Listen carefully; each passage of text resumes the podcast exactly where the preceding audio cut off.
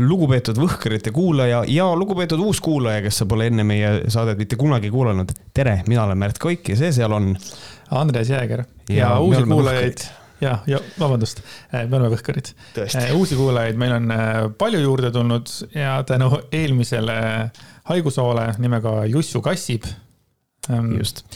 noh, me saime väga palju tähelepanu, väga palju kuulamisi ja põhimõtteliselt kahe nädalaga on üks saade tõusnud meie, meie enda saadete kuulatavuse tabelis tippu, kui võtta nii Youtube'i kui ka siis äh, podcast'i nende asjade kõik kuulamised kokku mm. -hmm. nii et loljas porgand kukkus teisele kohale meie saadetest. just, et äh, ja minule kirjutas isiklikult kirjakasti ka Eva Esse, nii et mina võin, äh, minul on kõik paberid ära, et, et ma võin nüüd rahulikult, rahuliku südamega ära surra kodus, minu jaoks on kõik asjad saavutatud põhimõtteliselt küll ja sama päeva õhtul, kui, ei, jah, ei olnud järgmine, järgmine päev oli, järgmisel päeval peale saate ilmumist siis ehk siis kahekümne kuuendal augustil ka Elu24 äh, võttis äh, siis meie armsast podcast'ist nii mõnedki vürtsikad laused, mis enamasti olid sinu omad või noh, olidki sinu omad.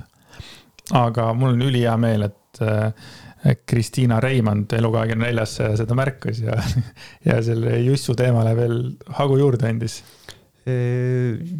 jah, ja kusjuures ja võib-olla siis nagu võtaks nagu loo jätku ka üles natukene, noh, seda jätku ei ole palju, et mulle tundub, et praegusel hetkel siis Triinu-Liis ja Justin on vist võtnud endale sihiks totaalselt ignoreerida seda teemat ja, ja nii kaua hoida nagu selle teema pealt vaikust, kuni see asi vist üle läheb vist, et nad nagu selle teemal ei räägi enam üldse. ja noh Justinist rääkis, Justin oli lahe vend, ta pani alles hiljuti, pani story'sse sellise asja, kus tal oli mingi, mingi paar kolm aastat vana video vist või, et siis oli mingi armsast kutsust, et oo oh, I miss you või mingi oh, this is my good buddy ja.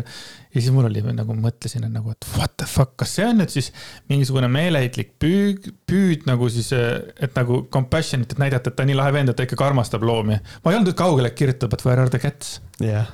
Fucking asshole, where are the cats yeah miks sa share'id praegu seda kolme aasta vanust äh, koera videot, mis arvatavasti, koer ei ole arvatavasti viidud varjupaika ega surnud, on ju. et aga noh, ma ei, ma ei hakka story dele vastama mm. -hmm. ja siis tegelikult veel kolmekümne esimesel augustil ilmus kõigepealt Postimehes Kertu Kirjaneni poolt Äh, tehtud artikkel Võhkaritest, äh, mis tegelikult juba nägi ilmavalgust äh, või noh, me käisime Märdiga intervjuud andma septem-, mm, juuli alguses. eelmine aasta. Selle aasta juuli alguses.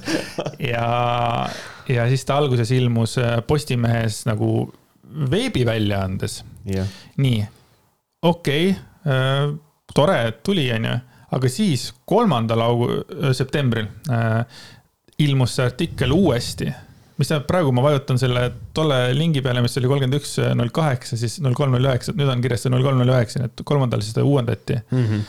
ja neljandal äh, septembril siis ilmus ka siis Postimehe kultuurilisas äh, sihukene nagu kokkuvõttev äh, artikkel siis Võhkaritest et noh, selles mõttes, et selle veebi oma on parem, sest seal on ikkagi nagu noh, pikalt kõik, kõik meie mõtted olid kirjas Äh, aga selle kultuuri omas oli natuke kokku lükatud, aga noh, see ei tee ta muidugi kehvemaks, lihtsalt, et rohkem infot on äh, veebis, nii et äh, lööge aga sisse kõik võhkarid jah, ja nüüd, äh, kuna me oleme niimoodi meedias olnud, äh, siis see tähendab meie jaoks ainult seda, et nüüd on million dollar deals ja, ja põhimõtteliselt nüüd lähme siis siit edasi. Äh, ongi nüüd teadaanne, et me hakkame tegema nagu Kris Kala, et kui te tahate, et me teie kirja ette loeme, siis on sada viiskümmend euri. Puhtalt kätte, et kusjuures mina olen viimasel ajal tundnud, et mul oleks vaja nagu, mul oleks vaja nagu mentorit ja, ja, ja ma tunnen, et mul on raske ja ma tunnen, et ma mõtlen tihti üle.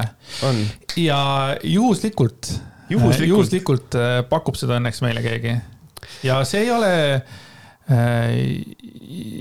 nõiants. ei ole nõiants. ei ole ka see, kes kirjutas selle raamatu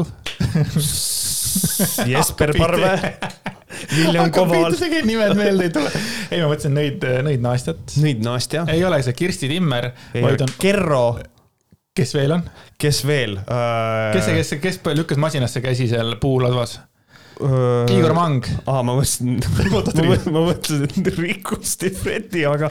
oota, keda sa mõtlesid? ei, vahet ei ole, las olla. kes paneb käsi masinasse okei um,, aga ja ei, meil on tegelikult olemas üks uus mentor, kes pakub, no enne kui ma ütlen, siis see ei ole kellelegi üllatus, sellepärast et inimesed ei telgi sind Twitteris, nad teavad, et tunniajane seanss on seitsekümmend viis eurot ta on su mentor, sa saad talle rääkida oma probleemidest, kes see võiks olla, ma kuulen meie kuulajate tagantreas, meil on tegelikult akna taga live audience, paar kassi, tagant keegi vist on siukse näoga, et ilmselt see on mingi juurvili ja see on paljas porgand, just nimelt. jaa, paljas porgand on hakanud mentoriks ja pakub praegustes koroonatingimustes võimalust teha seansse videokõnena. tunniajane seanss maksab seitsekümmend viis eurot. esimene mõte, mis mul kohe tekkis sellega on, et Merilin Taimrel ei ole äh, seda Covidi teemat ja tal noh, puudub igasugune, Covidiga seotud nagu yeah. asi miks ta praegustes koroonatingimustes äh, videokõnele seanssi tahab teha? mina arvan, et asi on selles, et ta ei taha lihtsalt inimestega kokku saada. kus ta nagu seda tegema hakkaks, kutsub oma koju siis seitsmekümne viie euro eest mingisuguse suvalise, äkki võib-olla mingisuguse vaktsineeritud inimese ja siis tal jälle lakkavad päevad või mingid asjad. et uh, it can happen. jah et see on muidugi huvitav lause, mis siin on. pluss klientuur on ka suurem, kui sa teed video vahendusel. ja siis äh, tunnine seanss maksab seitsekümmend viis eurot. me oleme rääkinud äh, juba varasemalt, et äh, Chris Kala ehk siis nagu paljaporgandi väike vend põhimõtteliselt mm.. mitte siis päriselt? no mina ei tea. Äh, aga see on, kuidas öelda, äh, ideoloogiliselt. ideoloogiline paljaporgandi vend, tema pakkus ka kunagi saja viiekümne euri eest, et äh, saad siis nagu Kris, aga see oli nagu laivis, et sa ikkagi saad Kris Kalaga saada kokku, teha koos temaga podcast'i, rääkida vist asjadest ja pärast ta vist annab selle faili sulle või mingisugune selline täiesti arusaamatu äh, asi, aga seal oli kaks tundi ja sada viiskümmend euri, aga enam seda pakkumist ei ole üleval, kriskala.com lehel. ei ole? ma ei leidnud, ma ei leidnud. Äh, ma otsisin Attracted, Attracted, aga ma üsna kehv guugeldaja, seega ma või, võin teile valetada. Äh, jah, kusjuures ma mõtlesin seda, et noh, tegelikult kas nagu Lähme nüüd siit korra selle peale, ütleme, kui Kris Kala seda teenust pakub nee. ja kui sa ostad selle yeah., ta teab, kes sa oled ja kui sa ostad, siis kas ta ikkagi pakub seda teenust sulle või ta maksab sulle raha tagasi, ütleb, ma ei taha, ma kardan. enne sama paljaporganiga samamoodi noh, ma, ma tunnen ka, et ma mõtlen päris tihti üle, vaata, ja kui ma tahaks praegu seitsekümne viie euro eest, et äh, Merilin minule oleks mentoriks, vaata, läbi Zoom'i, onju Mm -hmm. kas tema annaks seda, aga igatahes see, see number on selles mõttes tundub nagu huvitav, et huvitav, kas see on Kris Kala poolt siis nagu pakutud idee Merilinile, et kõik saab rahaks teha, et tema võttis kahe tunni eest sada viiskümmend euri. aga Merilin, sina võta tunni eest seitsekümmend viis euri, kuigi mina arvan, Merilin, et sa võiks palju rohkem küsida, sellepärast et äh, äh sa oled tõeline ikoon jah, lihtsalt ütlen kõrvale, et äh, kiirelt guugeldasin, äh, et me oma ühes äh, Patreon episoodis rääkisime sellisest inimesest nagu Andero Pebre, kes on siis endine jalgpallur, kes vist kõksis veits liiga palju peaga. aga et ühesõnaga siis tema on ka siin suur valgusinimene, tegeleb sellega, noh, tema, noh, ühesõnaga Te saate, äh, väikesed pebred on, äh, on meie selle mm. episoodi pealkiri Patreonis, kui te olete meie Patreoniga liitunud, siis te saate seda sealt lugeda, aga eh, kui teil ei ole see võimalik, ma teen hästi kiire kokkuvõtte. Andero Pebre on selline mees, kes ütleb seda, et vaktsiinid sisaldavad endas erinevaid äh, siis metalle ja hüdrogeele ja siis need viivad meid põhimõtteliselt siis sellisesse 5G peal töötavasse reaalsusesse üle, mida juhib ai ja seda ta ei taha. nüüd, kui te mõtlete, et Märt, see on nii absurdne jutt, et kas ta päriselt ütles midagi sellist? jaa, aga ka Andero Pebre pakub sihukest asja nagu creator life support mis on siis see, kuidas ta ka, ta on su life coach mm -hmm. ja ma, ma tooks välja siit ühe lause, mis ajab mind täielikult endast välja. olen küll kõigest kahekümne kaheksa aastane, kuid vahest tunnen ennast kaheksakümne kahe aastasena, avastades ennast üks hetk viiekümne kuni kuuekümne aastastele inimestele nõu andmast. Fuck me. Äh, ja põhimõtteliselt. kutsung sinusse. kutsung. ja põhimõtteliselt äh, ta pakub nii-öelda support'i sulle ja põhimõtteliselt see teenus on kaksteist tundi, kolmkümmend päeva sada viiskümmend euri inimene, kui sa võtad perepaketi, ta pakub perepaketti. oota, oota, kaksteist tundi. kaksteist tundi, kolmkümmend päeva. ahah, kolmekümne päeva jooksul siis kaksteist tunni eest. kusjuures ma mõtlen seda, kaksteist tundi järjest kolmkümmend päeva. ma, ma mõtlengi seda, et vaevalt, et ta pakub iga päev sulle kolmkümmend päeva kaksteist tundi. hommikul ärkad üles, vaata juba jälle Pebre Väike siin ajas sulle mingit motivatsioonijuttu, vaata. kaksteist tundi räägib kogu aeg kõrvas seda, kuidas 5G võtab üle ja me ta-ta-ta-ta-ta-ta jah, muidugi ma võin, ma võin põhimõtteliselt, ei, põhimõtteliselt ja ei. ei, ei, ei, ei, jah, ma eksisin, ta pakub, et sa saad temaga ühendust võtta kolmekümne päeva jooksul, kaheteist tunni jooksul, nagu kaksteist tundi, ehk siis üheksast üheksani on tema liinid sulle avatud ah, ja siis okay. sa võid talle helistada. ja see pakett ühele inimesele maksab sada viiskümmend eurot ja perepakett on kakssada kakskümmend viis et selline life coach'i asi on, kuidas inimene ütleb sulle, noh, me jõuame siin porgandi puhul ka sinna varsti, et, et nagu mis abi ta tegelikult annab, et selline asi, et sa helistad mulle, ütled, Märt, et mul on mul on õudse, ma tunnen, et mitte keegi ei armasta mind ja siis ma ütlen sulle, aga ära pane, aga mõtle millestki muust. Boom, cash money flow. et äh, see on suhteliselt crazy income, selles mm -hmm. mõttes naljakas. aga. väga lahe, aga mis nagu selle alustame sellest, et tegelikult see on üldse Õhtulehe artikkel ja selle on teinud Karoliin äh, Liis Tamm ja see ilmus kahekümne seitsmendal augustil kaks tuhat kakskümmend üks, et ikkagi äh, selle autor on ka ära märgitud. ja mulle teeb nalja see, et meil on selline vahva ajakirjandus, et äh, siis ajakirjanik oli salaja siis kõrval siis sellele inimesel, kes nagu Merilini käest mentorteenust siis ostis minu arust on mhm. väga, minu arust see on väga-väga armas, et nagu see ajakirjanik, ma kujutan, ma proovisin kogu aeg ette kujutada seda, et noh, okei, Merilin istub oma laua taga, räägib seal mingit värki-särki, rastad peas või mis asjad on. ja siis äh, ta istub oma toas ja siis kus siis see nagu kirjanik, ajakirjanik istub, et kas ta istub siis mingisugune kaks meetrit kaugel voodi peal, kirjutab üles seda kõike või ta filmib või tal on väikse diktofon või. ma oleks seda protsessi, ma oleks seda, seda protsessi tahtnud näha, see oleks palju põnevam minu arvates. Äh, pakun välja koostööprojekti, mina olen nõus, äh, mis iganes väljaanne tahab seda teha. Äh, ma tulen kohale, teie ostate Palju Porgandi käest selle seansi, aga see seanss on tal minuga. ma tulen, istun ja ma räägin talle, mis, et mis mu probleemid on ja siis me tunni aja jooksul saame laivis vaadata seda, mida ta räägib. et mina olen nõus seda tegema, et eh, see oleks eh, fun and games. ja siis eh, pull ongi selles, et ja kui see ajakirjanduslik eksperiment läbi sai, siis ajakirjanik mõtleb, et mõtles, et aga okei okay,, ma helistan Porksile, et noh, küsin tema seda tunnet, mis temal oli sellega ja omapoolset kommentaari, onju.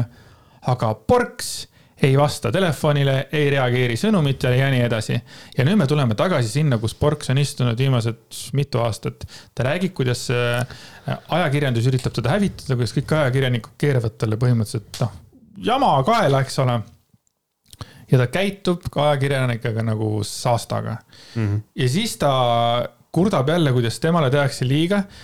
aga kui sa ise käitud ajakirjanikega nagu saastaga, siis ajakirjanik ka võib-olla võivad alateadlikult käituda sinuga nagu aastaga, sest sinupoolne kommentaar ja kõik see jääb ju äh, olemata mm. -hmm. muidugi ma tahaks teada ikkagi siiamaani, kes oli kurat see ajakirjanik, kes keeras kõikide ajakirjanike elu perse äh,. ja et kes tegi siis mingi sellise artikli, et nagu Merilin nagu päriselt lihtsalt ta ei vasta, ta mängib kassi-hiirt, teeb troppi, vaata. ma arvan, et see on see ajakirjanik, kes seda tegi, see on täpselt samamoodi nagu see, kuidas Triinu-Liis ja Justin rääkis, et nad on rääkinud sellest kassi teemast juba. et ma arvan, et see on ka mingisugune väljamõeldud ajakirjanike väljamõeldud lugu, mida tegelikult ei ole olemas, aga ta viitab sellele kogu aeg, et noh, et ajakirjandus on mulle teinud liiga, mis, mis, mismoodi. ja siis tuleb siuksed ümmargused need lähiaja artiklid, et see on, ma arvan, et, ma arvan, et see on kuidagi. on jälle see, et kui empaatiliselt inimene ütleks, ma, ma räägin sama asja nagu iga kord, et kui ei olnud olemas depressiooni ja ta rääkis sellest ja pärast ütleb, et aa, ta saite minust valesti aru ja kõik, kõik teevad mulle liiga, siis öeldi jah, ma sellel hetkel arvasin, ma olin elus selles, äh, selle seisukohaga kuidagi onju. et ma eksisin, ma vabandan, hetkel ma tegelen, äh, ma ei tea, depressiooni ravi avastamisega, ma õpin ja ma olen nagu noh, kõvasti arenenud selle ajaga ja ma kujutan ette, et no mida sa enam siis küsid mm -hmm. ajakirjanikuna, aa selge, inimene tunnistas ülesse ja et ma tegin vea ei. Jah, nagu mõtlengi, et siin on nagu selline nartsissistlik probleem nagu selles, et ei tunnistata oma vigu üldse. et nagu selles mõttes sellega nagu sul on hästi õigus selles, et sa võtad nagu noh, see ei, ei tohiks ajakirjaniku puhul vist niimoodi öelda, aga samas seal on teatav tõetera all, et kui sa tunnistad oma vigu avalikult ajakirjanikule, siis ega tal väga laskemoona ei ole enam mm. -hmm. sellepärast sa võtad selle tal käest ära, ütled jaa, ei, ma tõesti ütlesin seda, aga, aga ma eksisin, et noh, ma lihtsalt ei saanud aru, noh, mida iganes, et, et sul on olemas need asjad nagu, eh, sul on olemas adekvaatne vabandus. aga mul on selline tunne, et Porgandi puhul on nagu väga tugevalt ikkagi mängus ka, ka see, et ta ei ole suuteline tunnistama oma vigu sest et ta ei tee vigu, sellepärast et ta on so mindful, yo.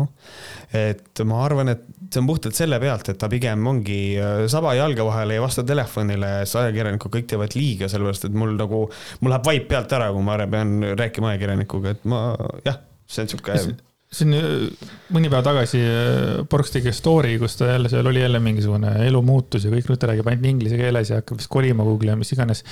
ja siis ta ütles ka, et mina võtan vastutuse oma mingi elu eest, kõik, mis selle, minu eluga toimub ja tulevikus juhtub, see on minu enda kätetöö, on ju. ja siis ma jälle olin sealsamas küsimus nagu kõik need, kes ütlevad, et mina võtan vastutuse, mina küsiksin, et kuidas yeah.. kuidas võtad sina vastutuse nagu, et, et kui, kui nüüd praegu Andres ja Märt räägivad sinust, on ju, ja sa tunned, et nagu sulle tehakse liiga ja Õhtulehe ajakirjanik kirjutab ja niimoodi.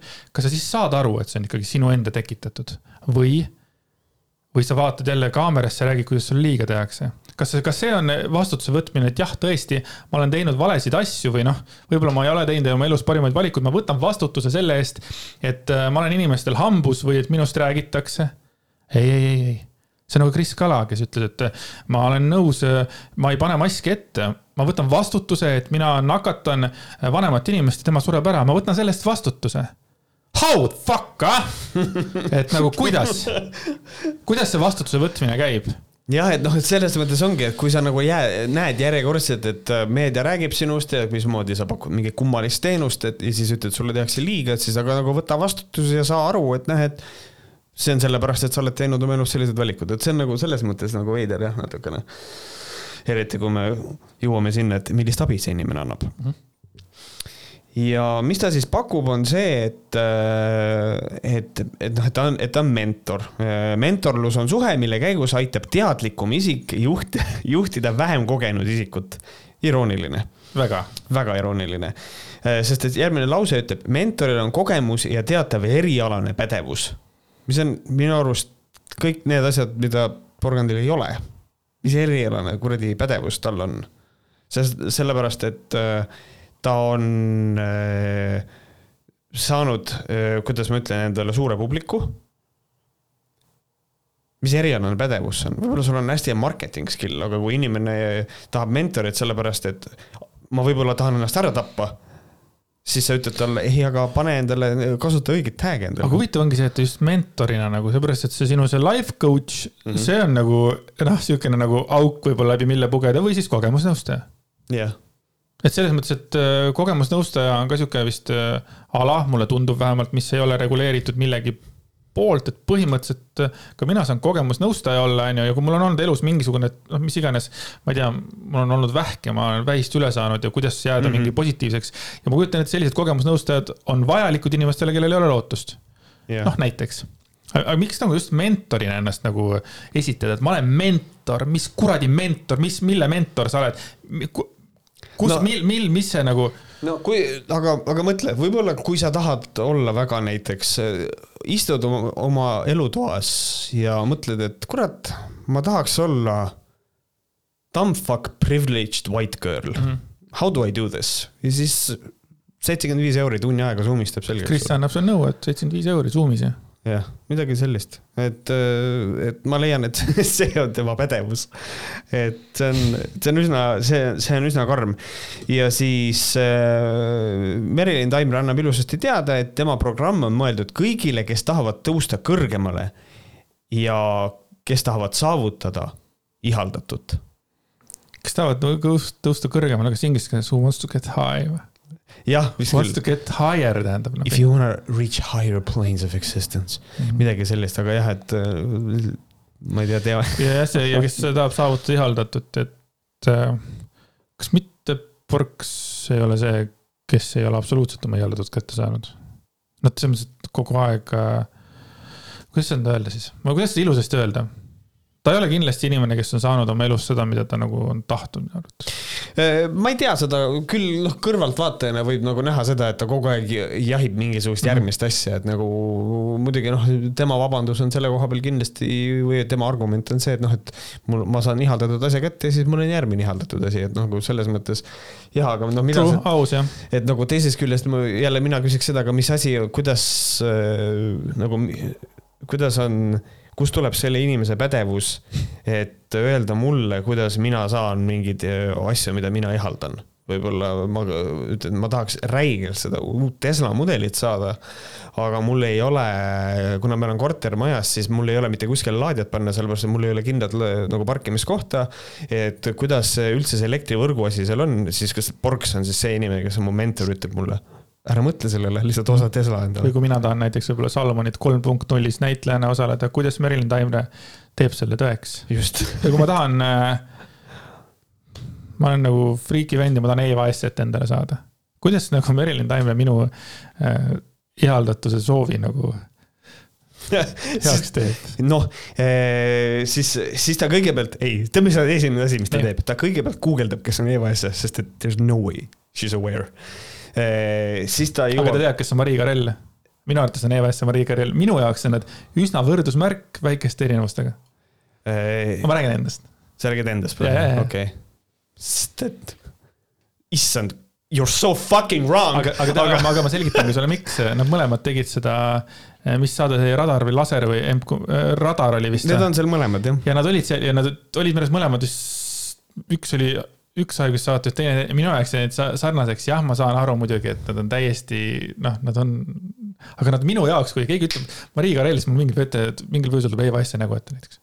ja vastupidi. see tähendab, et Esse on meeldejäävam see on davai, aga, aga ei jah, noh, selles mõttes, et mis need ihaldad, mis need, mis need asjad on, et kust tuleb selle inimese pädevus, aga äh, ma ei tea, võib-olla siis äh, lähme, lähme kiiresti edasi, et äh, ta ütleb, et olen sinu kõrval, et aidata sul elus seljatada ja saavutada kõike, mida sa soovid, luues sealjuures selgust ja kergust.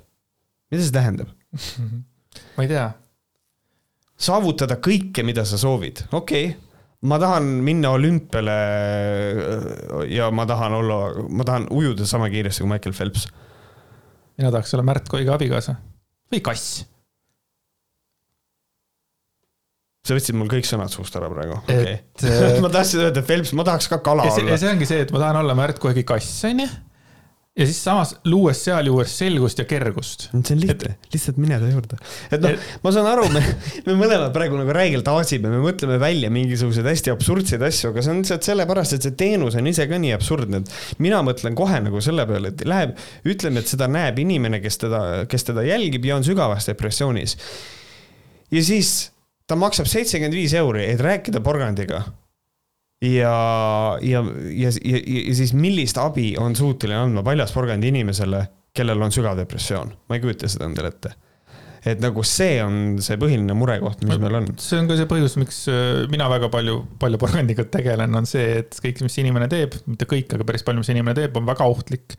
ja seda on vaja, inimesi on vaja teavitada selle ohtlikkusest ka, selles mõttes, et ma olen ka nagu heategija veitsa, vaata. Mhm. seitsekümmend viis euri, ma olen mentor ja saad ka heategijaks hakata aga lähme siis sinna seanssi sisse. põhimõtteliselt äh, seanss algab ja küsib siis Taimre, et räägi mulle oma rõõmud ja mured ähm, kõik ära. see on muidugi päris armas. kõik on... mured ja rõõmud räägi ära. mis tähendab, mis tähendab seda, et see oligi, see oli, see oli tund aega. nii, ja ta laseb, ta alustab, ta laseb kõigepealt kliendi selle aega täis rääkida mm, -hmm. eks ole ja siis äh, ta kuulab selle kliendi ära ja siis uurib juurde, et mis sul veel puudu on. ja siis äh, nad panevad koos paika eesmärgi, mida kõne lõpuks saavutada. võimas. ja siis see inimene, kes osales sellel vahval, äh, vahvas eksperimendis, nimetame teda siis Liinaks, nagu artikkel seda teeb, tema tahab tema pakub välja, et ta tahab vastu astuda sellisele asjale nagu ülemõtlemine. mis on väga tõsine probleem ja, see on, see on nagu väga tõsine asi mm. -hmm ja siis äh, see on väga tõsine asi, et inimesed mõtlevad meil ühiskonnas väga palju üle ja. elus jäävad paljud asjad saavutamata just, ja, ja, ja nii edasi. ja siis äh, mida ütleb selle peale Väljas porgand, kõigepealt ta küsib seda, et et kui sul on soov midagi saavutada, eh, kust sa võtad vastused, eh, et kui sul on soov midagi saavutada, kust sa võtad vastused, kas seda teha? ja nüüd inimene, kes on natukenegi tuttav selle narratiiviga, mida nagu Borks push ib, siis ta saab algusest peale aru, et okei okay,, nüüd me jõuame sinna, et eh, mingid infokanalid on valed ilmselt. et kas sa küsid lähedaste arvamust, kas sa guugeldad, kas sa loed raamatust ja Liina, mis on hästi oluline aspekt, Liina ütleb seda, et ta küsib oma vanematelt nõu. ja siis Porgand läheb ruttu-ruttu selle pealt kohe enda vanemate peale, öeldes, et noh, et eh, mina läksin väga noorelt tööle, kolisin varakult kodust välja. Eh, pole ühegi oma otsusega vanematele toetunud. Eh, ma ei tea, press X to doubt, mul on nagu, ma nagu kahtlen selles väites, aga. ja siis ta ütleb, vastus tuleb minu enda seest. kui lähed oma südameteed, siis läheb kõik jonksu, mis ei tähenda mitte midagi, sest et see on täielik esoteerika, see ei ole päris abi. Mhm. see ongi nii, et sama hästi võiks äh, lugeda horoskoopi mm. -hmm. kaladele tuleb vastus enda seest, kaljukits läheb oma südameteed ja kõik saabki jonksu ja Just. ongi, see ongi see bullshit, mida ta lihtsalt ütleb siuksed sõnad, et mida see jälle tähendab. vastus tuleb sinu enda seest, kui lähed oma südameteed, siis kõik läheb jonksu, mine perse. jah, sellepärast ongi, kui ma mõtlen üle, mõtle, et vastus tuleb sinu enda seest, kui inimene, kui inimesel on probleem, et ta mõtleb mm -hmm. üle, siis ongi see, et äh, ta esitab nii-öelda iseendale siis küsimuse ja ta ei leia sellele vastust, sellepärast et ta ütleb endale jah ja ta ütleb endale ei konstantselt jah, ei, jah, ei. vastus tuleb sinu enda sees, mida see tähendab. et siin ongi, siin on vaja õpetada inimesele, kuidas ratsionaalselt asjadele läheneda ja, ja nagu see on oluliselt keerulisem kui kui see, äh, mida siis porgand pakub, see on, see on asi, mida ma ei teeks mitte kunagi, aga ma arvan seda, et ma teeks äh, porgandis palju paremini seda tööd kui porgand ise. hästi vastik on veel see tegelikult, et Liina ju ütles, et ta toetub oma vanematele, mis on nagu tohutu väärtus, ta on nagu mm -hmm. suurim väärtus üldse nagu. ja siis Porks ütleb, et eh, ma ei ole kunagi oma vanemat, ma kolisin välja, keda kotib mm -hmm. Ke,? Ke, keegi selles mõttes, et ta ei küsinud su käest ju nagu, sina küsid, et sa hakkad iseendast rääkima nagu või?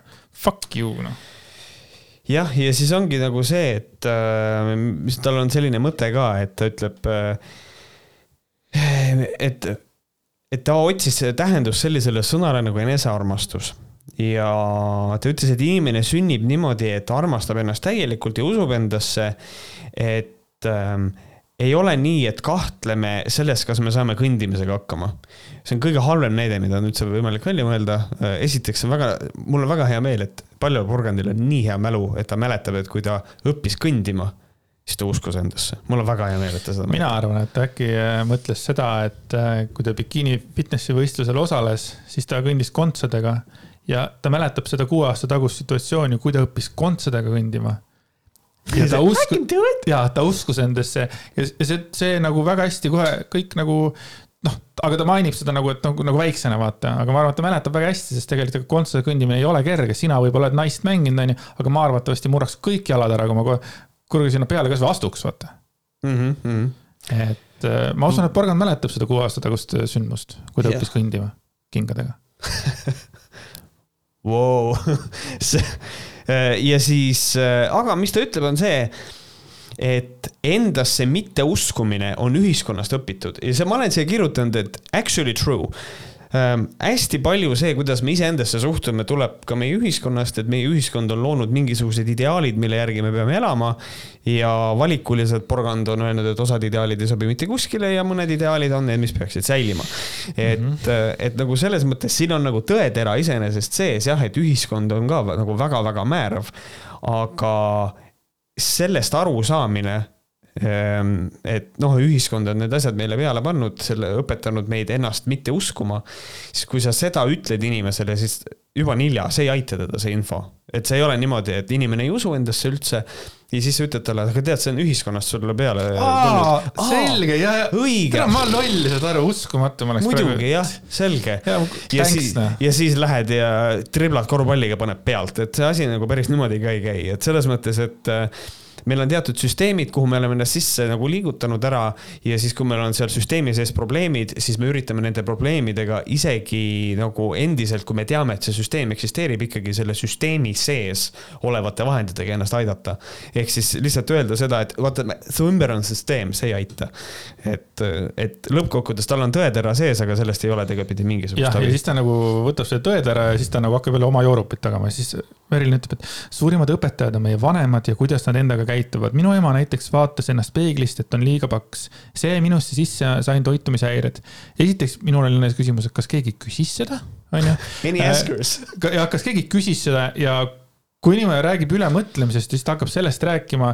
kõigepealt ta ütleb ära, et äh, tema kolis ära, tema vanemate käest midagi ei saanud tema vanemast, siis ta hakkab oma ema on ju trash ima selles mõttes mm. -hmm. see on selles mõttes, okei okay,, ma võtan tagasi sammu äh, ma saan aru, et Merilini sees on valu ja see on nagu tõsine teema, kui su vanem käitub niimoodi ja laps saab sellest häired. I get it, see on tõsine asi, eks ole, seda enam ja seda veidram on see, mida ta on teinud viimased, ütleme, kuus aastat või seitse aastat eh, ka nende toitumisalaste nõuannetega ja on propageerinud seda, kui ta on ülipeenikene, ülivormis, eh, tissid paljad või mitte paljad, vaid tähendab, et noh, uued värsked rinnad, eh, pepupillid, kõik need asjad, eks ole, et, et noh mida sa teinud oled terve elu, aga noh, see selleks mm. -hmm. mis on mõnes mõttes, me võime siin ka öelda seda, et mis on ähm, sellise asja olla selline influencer mõnes mõttes kinnistab mingisuguseid äh, ootuseid, mis on ühiskonnal naisterahvale, mis võivad omakorda tekitada toitumishäireid. et see on nii absurdne. ja et ja, ja kõik need asjad on niivõrd individuaalsed, et selles mõttes minu, äh, minu ema äh, ju ka minu nooruspõlves maadles väga palju oma kehakaaluga mm -hmm., väga-väga palju. ja mina kuulsin ka, kuidas ta ütles enda kohta igasuguseid asju minul ei tekkinud sellest toitumishäireid.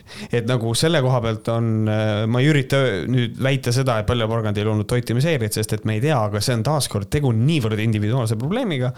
aga eks siin on võib-olla see nüanss ka, et võib-olla ta lihtsalt äh, annabki, et noh, kuidas temaga oli, ta üritab leida mingisugust pidepunkti selle inimesega, kes mhm. talle helistas, et oh, minul on ka raske äh, aga ta kuidagi otsib seda hästi valest kohast ja ma leian, et see nagu ei, ei, ei, ei toimi ja on nagu force equivalency mõnes mõttes. ja siis äh, Merilin ütleb, et tema leidis enesearmastuse saavutamise äh, nii-öelda väljalülitamises. olen ennast reprogrammeerinud, olen hakanud unustama kõike, mida ütleb meedia, pöördusin vanemate õpetamisest eemale ja julgen neile öelda, mida asjadest mõtlen äh,. võtaks ka alguses selle, et kõik, kellel on, küsitakse, pange Google'isse otsingusse enesearmastus ja te näete, et seal on kohe kirjas, et enesearmastus on siis nagu noh, kaares kirjas on kirjutatud väljalülitamine. enesearmastus tähendab väljalülitamist. nagu äh, see ongi see, mida ta nagu öelda tahab siis. ta ütleb tüdrukule, et äh, ära kuula oma vanemaid äh, noh, see ülemõtlemise puhul, nüüd siis, et kas sa armastad ennast, no päris ei armasta või noh, enam-vähem armastan, okei okay,, aga enesearmastuse saad siis, kui sa ennast välja lülitad kõigest nagu unusta kõik, mida meedia sulle ütleb, äh, pöördu vanemate õpetamisest eemale ja programmeeri ennast. see, see selline tekst on minu arvates jälle väga suur oht nagu mm. -hmm, just, et enesearvas- ar, armastuse saavutamiseks on vaja ennast välja lülitada, kui sa oled ennast välja lülitanud, siis sa leiad enesearmastuse. Äh, see on üks-ühele sellest, kuidas töötavad ususektid. Äh, this is how cults work. ehk siis äh, lülita ennast meediast välja, oma vanematest põhimõtteliselt, ütle, mida sa ütled, nende input ei ole sulle oluline, sellepärast et sa tegeled enesearmastusega. ja see on ususekti loomine juba, see on väga selgelt, mina räägin tõde, teised ajavad mingisugust jama, aga nad ei ole ennast välja lülitanud ja nad ei saa sellest aru. see on sekti loomine põhimõtteliselt. no tal ongi sekt nimega Premium Porgand. Premium Porgand, Premium sekt. Äh, ja, ja siis ta ütleb siin sihukest asja, et olen ennast reprogrammeerinud ja programmeerimise all mõeldaksegi nagu just nimelt nagu tema tegeleb ka nagu programmeerimisega. ehk siis see on see, et ära kuula meediat, ära kuula oma vanemaid, kuule seda, mida mina räägin, ma olen mentor, noh, et see on mõnes mõttes nagu mhm. programmeerimine. ja siis väga palju on äh, Netflixis on isegi üks doks selle kohta on nagu, kuidas üks mees äh, deprogrammeerib siis inimesed, kes on sektides olnud, kuidas nad nagu tavaellu tagasi tuua, see eeldab nagu kas siis deprogrammeerimist, mõned ütlevad selle kohta reprogrammeerimine, et inimene on muudetud ühiskonna vaenulis-, vaenulikuks ja ta on vaja tagasi tuua, teda on vaja sellest koolitada uuesti. ja ma olen päris kindel, et iseenda programmeerimine ei ole võimalik. sest et ma olen siia juurde ka kirjutanud, et ma ei usu, et porgand programmeeris ennast ise, vaid et seda tegid mingisugused teised suunamudijad, alternatiivmõtlejad, autorid läbi oma mingisuguste meediumite, kas mingid artiklid või mingid videod. oma peaga, aga ma jagan teile praegu seda kahetunnist äh, sessiooni sellest. väga õige, et, et, et ongi nagu see, et ma mõtlen oma peaga, ma mõtlen ise, ma arvan, et ma mõtlen oma peaga, tegelikult ma räägin seda, mis, kuidas mind on programmeeritud, et mida ma pean jagama, et, et nagu selles mõttes. kelle peaga sina mõtled tavaliselt? mina no ikka sellega, kellel on äh, nii-öelda, kuidas öeldakse, peres on äh, püksid jalas, kes on see perepea. ehk siis minu, siis, siiski, minu kass Lilli. aga siiski nagu aru saan, me ikkagi kõik mõtleme oma peaga. et see loll lause, mida inimesed ütlevad, mõtle oma peaga, on ju, mhm. ma saan aru nagu, mida seda mõeldakse. aga tea, kelle peaga sina mõtled oma peaga, mina mõtlen ka oma peaga mm. -hmm, see just. info, mis me lihtsalt, see infoallikas, mille me valime, eks ole, see lihtsalt äh, annab meile võib-olla neid mõtte, mõtteid juurde, mille just. üle mõelda, aga me mõtleme oma peaga kõik. just ja see on nii kahju, et see lause on ka ära rikutud, lambad nad võtsid ära meie käest, on ju. lambad on nad ära võtnud oma peaga. mõtle oma peaga, noh, see on nagu jah, noh, mis peaga sina mõtled, miks sa pead seda ütlema kas sa oled debiil või? kuule, kuidas ma, kuidas ma seda suppi teen, kuule, ole ja mõtle oma peaga ja siis on terve, terve ruum on vaikuses. ja siis okei okay,, palun vabandust, ma kohe õpetan sulle, kuidas seda teha. ei no ma mõtlesingi, kurat, ma ei saa aru, vaata, õpetaja, aita mind. mis suppi sa teed üldse? lambasuppi oh. lihtsalt kõik on hästi halb nii, äh, liigume siis. aga ärge äh, unustage seda ka ära, et praegu me oleme seitse, seitsekümmend viis euri ja põhimõtteliselt siiamaani parim soovitus on see, et unusta kõik ära jah, just, et, äh, et ära kuula, mida meedia ütleb. ja ära vanemaid hästi... kuula ka. ja ära vanemaid kuula, see on hästi veider, et tema see meediavaenulikkus tuli ikkagi ma, ma ütlen ausalt, ma oleksin väga positiivselt olnud üllatunud, kui ta oma meediavaenulikkust ei oleks siinkohal üldse maininud selles. see oleks olnud üliäge ja mul, ma oleksin mõnes mõttes, mul oleks mingisugune respekt, et tema ise on suhteliselt meediavaenulik inimene ja siis, kui keegi ütleb talle, et mul on see probleem, ma mõtlen väga palju üle, siis ta kuidagi leiab viisi, kuidas seda inimest nagu aidata niimoodi, et ta oma ideoloogiat peale ei suru nii väga, aga näed ta ei ole selline inimene. samas, kui ta võtab vastutuse oma elu üle, onju, aga samas mm -hmm. ta ikkagi süüdistab nagu ka oma ema selles, et ema ka vihkas enda keha, onju. siis ta praegu lükkab vastutuse oma ema kaela ja, ja siis meedia kaela ja kõikide teiste kaela. no osaliselt, vaata, siin on see asi ka, et ta on nagu mentor, millest ta peab aru saama see, et kui sa oled ühe inimese elu kas coach või see mentor või midagi mm -hmm. selline siis sa võtad tegelikult vastutuse ka selle inimese vaimse tervise üle veits, et nagu see ei Aa, ole. ei, ei võta iga no. inimene võtab ise, võtab vastutus. ei, üleüldse kõik inimesed võtavad vastutuse, kui, kui tollel ajal, kui ta, ah, ma isegi ei hakka sinna minema, kui ta reklaamis seda mingit kuradi yeah., mis beebimonitor või ei olnud midagi sinna viljakus monitor. samamoodi, mina ei ole millegiski süüdi, et noh, ma lihtsalt näitan, nojah Fuck you noh. et see on nagu selle, et noh, aga kuidas asjad, kuidas asjad reaalses maailmas töötavad, on see, et kui sa ikkagi otsustad mingile inimesele anda elunõu, siis äh, tegelikult äh, sinu õlgadel on vastutus selle inimese elu suhtes ka ikkagi, et äh, täpselt nagu sellepärast meil ongi olemas ju psühhiaatrid ja psühholoogid kellel ongi see, et nagu nad vastutavadki, sa oled ikkagi nende vastutusalas, et nagu selles mõttes, et see ei ole nagu nii.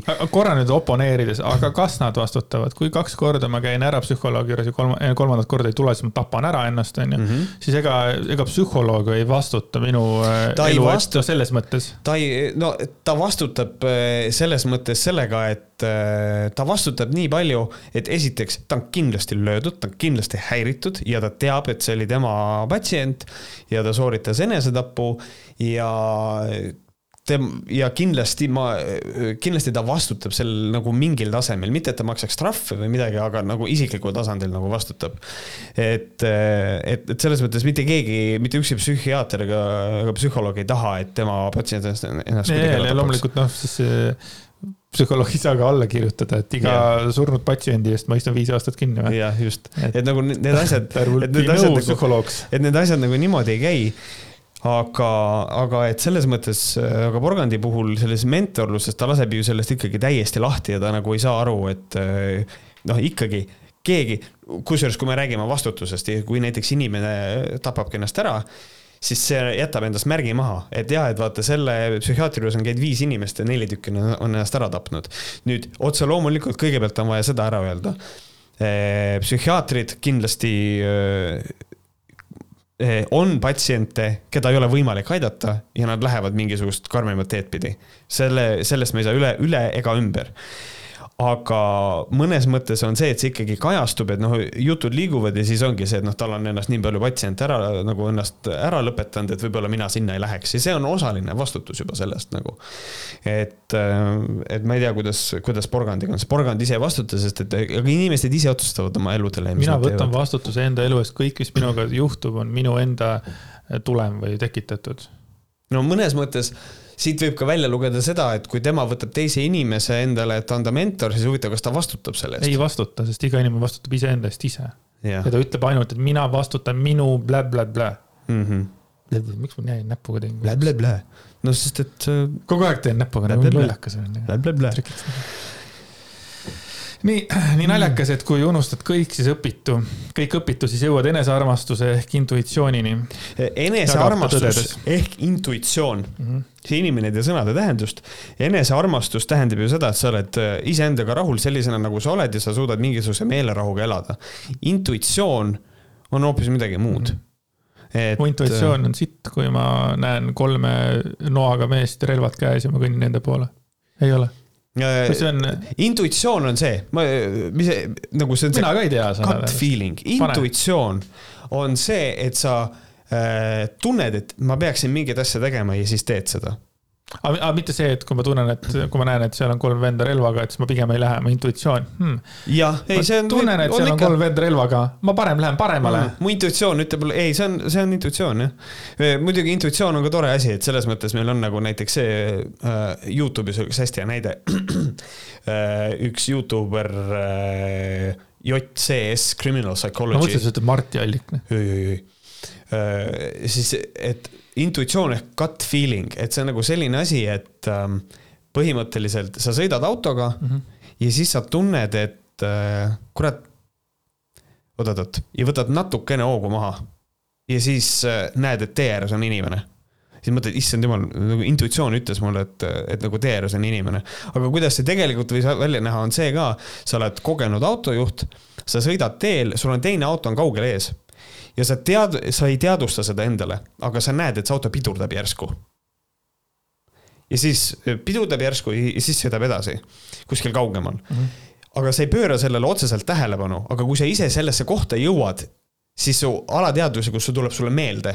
oota, siin oli, et nagu pidurdas, see, see mõte sul ei käi, aga sa tunned seda kui sisetunnet, mis ütleb sulle, et võtaks natuke vist hoogu maha.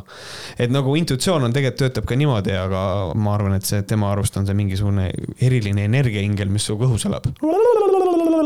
sihuke, et aga enesearmastus ja intuitsioon ei ole kindlasti üks ja sama asi äh, siis äh, Liina tunnistab, et murekohana ei oska ta öelda ei ning nõustub liialt tihti teisi aitama, kuigi pole Äh, enda jaoks, ta kuigi enda jaoks aega napib.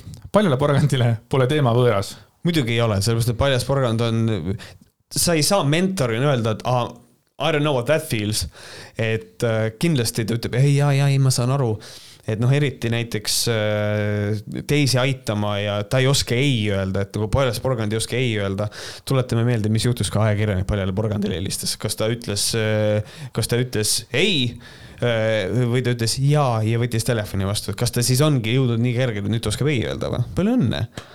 Et see on nagu selles mõttes nagu tore, aga nüüd tuleks nagu valida, kas aga millal ei või jaa öelda, et tal, tal on nagu need mixed up veits nagu. jah, et sihuke, sihukene, sihuke hästi veider, et võib-olla ta ütleb natukene liiga palju ei, et nagu aja, ajakirjandusele võiks enda kommentaari anda, et natukene enda poolt avada, aga ma arvan, et porgand ei ole intellektuaalselt sellel tasemel, ma arvan, et kui ta räägib. kas on, kas on mõni ajakirjanik, kallid ajakirjanikud, kas te olete keegi nagu päriselt nagu pugenud talle teadlikult külje alla ja tekitanud temas usaldust ja võib-olla olla palja porgandi ihu äh, ajakirjanik, sellepärast et ma kujutan ette, kui on paljas porgand, klikk tuleb, klikk, klikk, klikk, klikk, klikk.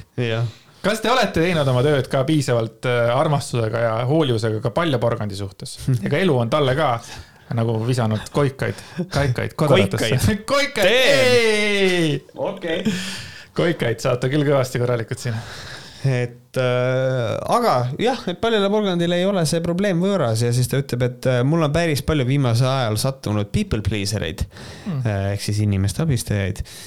ise olen ka osaliselt kunagi olnud et, et kas oled tundnud, et saad kõige rohkem armastust siis, kui täidad kellegi teise soove? näiteks lapsepõlves tundnud, et tee ära, siis oled tubli tüdruk ja saad kiitust, tähelepanu ja armastust.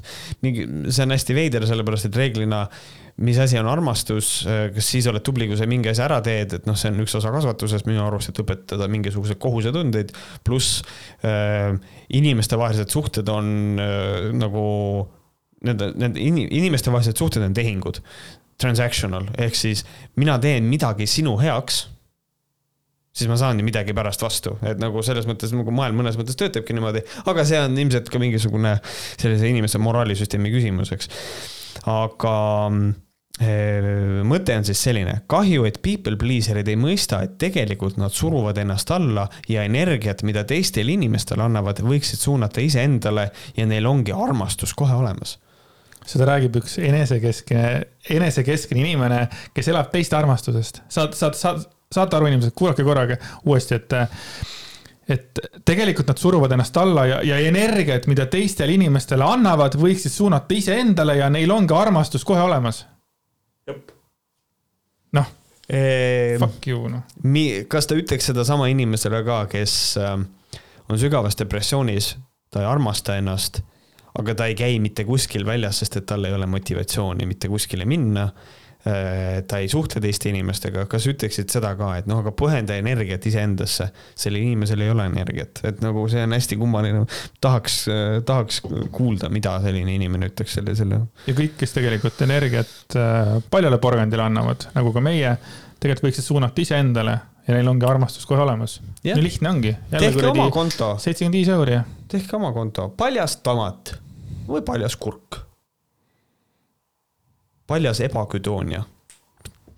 midagi sellist ja siis ähm,. ma ei oska isegi öelda seda sõna, ebaküdoonia, oli või eba,? ebaküdoonia jah ebaharilik sõna. mitte siis güdoonia, aga ebagüdoonia. ebagüdoonia. ja paljas porgand soovitab eh, esiteks aidata vaid siis, kui seda palutakse ja kuulata enda sisetunnet. kui tahe abistada tuleb kergusega, energiat on üle ja suurt aitäh vastu ei oota, siis leiab ta, et tegu jääb eh, sobivatesse piiridesse ma jään ikka selle juurde, või tähendab, mitte ei jää selle juurde, vaid et aita ainult siis, kui sulle sobib mm. -hmm see on nii tore nõuanne kõikidele inimestele meie selles selfish maailmas. on tore, et on veel olemas selliseid toredaid mentoreid nagu Paljas Porgand, kes soovitavad aidata ainult siis, kui neile sobib. mitte siis, kui teine inimene on hädas või vajab abi mm -hmm.. noh, ma ei tea, roomiga, roometiga kõnnivad mööda tänavat. ma ei tea, inimene kukub pikali, ma ei tea, jalast verd tuleb, hüüab appi, appi. porgand, et mm, samas mulle praegu ei sobi jah, mulle ei sobi, ma ei taha sobib aidata. mulle praegu, et see, mu sisetunne ei ütle tegelikult nagu, et ma võiks aidata. ma ei, huvitav, ma ei saa aru, kuidas need inimesed sotsiaalsüsteemis meil, meil. aga nad ei ole ju, nad üritavad välja saada sealt, sektid, nagu sa räägid sektidest, siis yeah. Äh, tema läheb oma maailma varsti ära ja. ja siis äh, seanss saab läbi. ja, ja siis Liina, kes temaga suhtes ütleb seda, et hästi tore naine. selline, selline tunne, nagu räägiksin sõbrannaga, mis tähendab, et äh, porgand teeb selles vallas oma tööd hästi samas oleksin oodanud rohkem abi, absoluutselt ei üllata, eks ole. näiteks liigse mõtlemise kohta ütles ta lihtsalt, et ära keskendu sellele. mis noh, ei ole abi mitte ühegi otsa pealt, selles mõttes, et sa oled siia väga ilusasti kirjutanud ka, et noh, et seitsekümmend viis eurot on selles mõttes maha visatud et äh, vabandust, ma, ma tunnen, et ma tegelen väga palju ülemõtlemisega, aga ära mõtle sellele. Fuck you, give me money ja kõik. jah, vaata selle ülemõtlemise ja kogu selle keskendumise sellega, et äh, ka mina olen oma elus äh, otsinud vastuseid nii mõnelegi küsimusele ja ma olen ka mõnele vastuse leidnud ja mõnikord on niimoodi, et äh, mõni eneseabiraamat on ju noh, eneseabiraamatutel on häid ja halbu külgi, aga ütleme, kui sa loed ära selle kolmsada lehekülge on ju, mitte seitsekümmend viis euri tund aega, sa loed selle ära ja kui sa saad kasvõi mingisuguse, ütleme ühe mingi mõtte, see võib olla kaks rida mm., siis tegelikult see on nagu natuke juba well spent money või hästi loetud raamat, on ju. et äh, ilmselgelt äh, ära keskendu sellele ei toimi. et, äh, et ma olen ise proovinud erinevaid metoodikaid nii ülemõtlemise kui ütleme liigse muretsemise kohta aga ära keskendu sellele on nendest kõige vähem toimivam asi üldse mm -hmm.. noh ja kusjuures äh, eneseabiraamatutest äh, rääkides, ma pole kaua aega maininud öö, oma lemmikkoomikut George Carlinit, ma arvan, et siin, siin kohapeal on üks, üks asi, mille peale mõelda et eneseabi ei ole tegelikult eneseabi, sellepärast et selle raamatu on kirjutanud teine inimene ja kui see sind aitab, siis see on selle inimese poolt abi, seega see ei ole eneseabi, see on abi. et lihtsalt Päris see on lahe, et uh, that's not self-help. kuidas mina saaksin that's seda öelda, ilma et sa George Carlinit mulle tsiteeriksid? ma olen lugenud mitut. Äh, abiraamatut teiste poolt kirjutatud abiraamatut? eluabi, eluabiraamatuid. eneseabi on niisugune naljakas termin.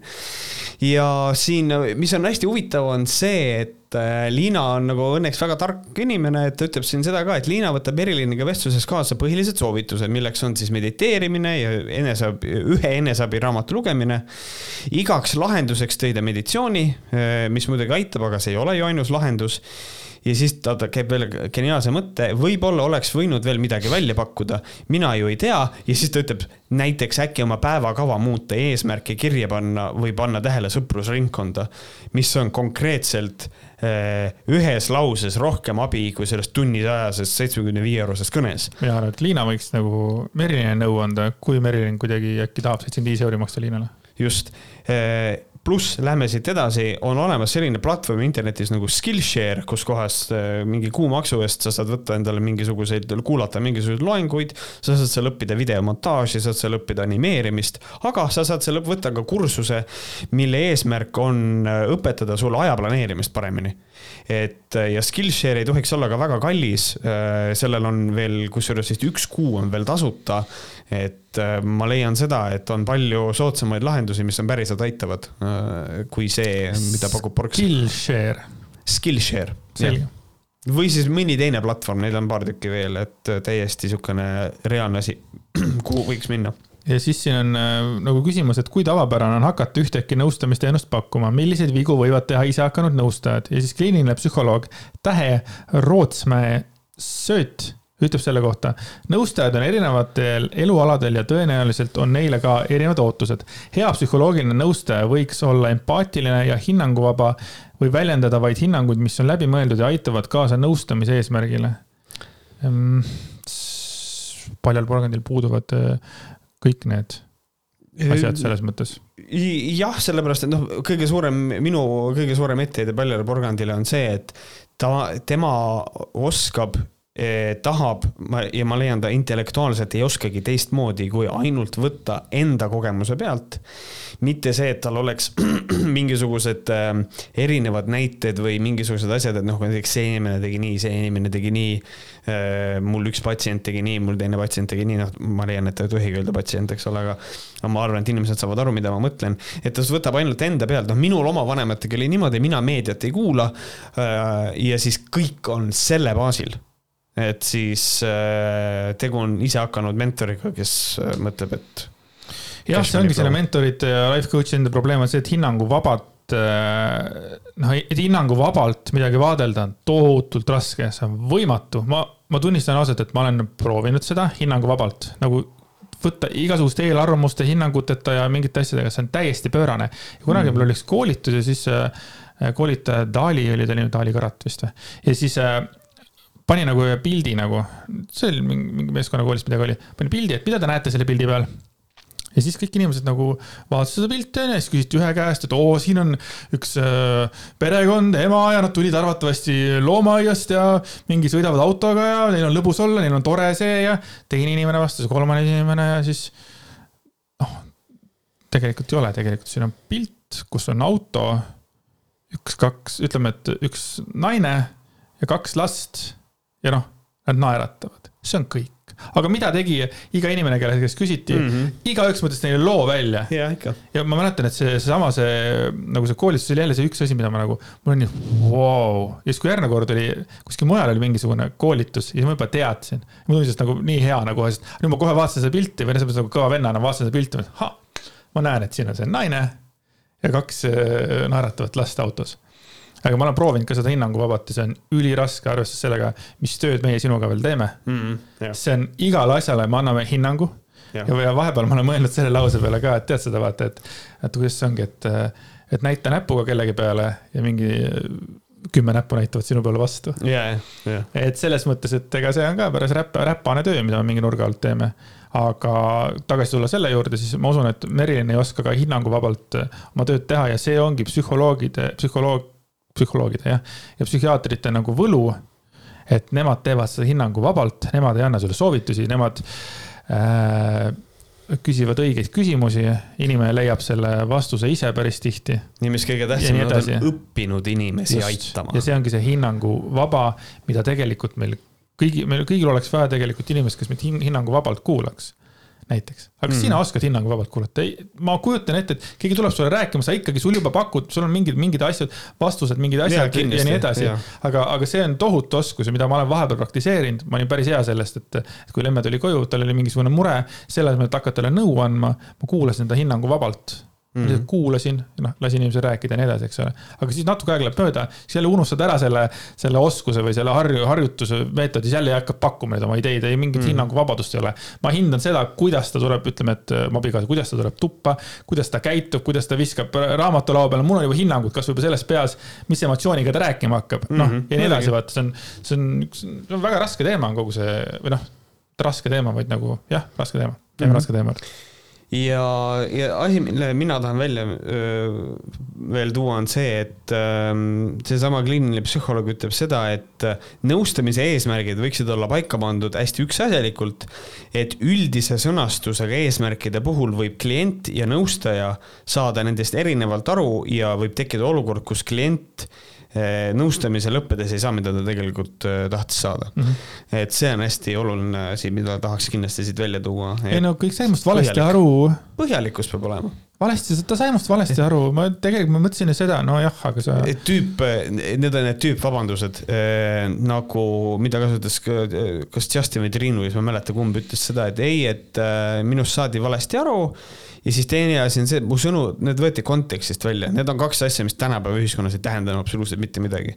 ma, ma olen väga äh, pahane kõikide nende inimeste peale, kes kasutavad, mu sõnad võeti kontekstist välja, nad on seda nii palju kasust-, kasutanud, et see konkreetselt see termin ei tähenda enam mitte midagi. mingi asi on kontekstist välja rebitud, see ei tähenda enam absoluutselt mitte midagi, sest kõik kasutavad seda ühtemoodi, valesti ja see on mõttetu.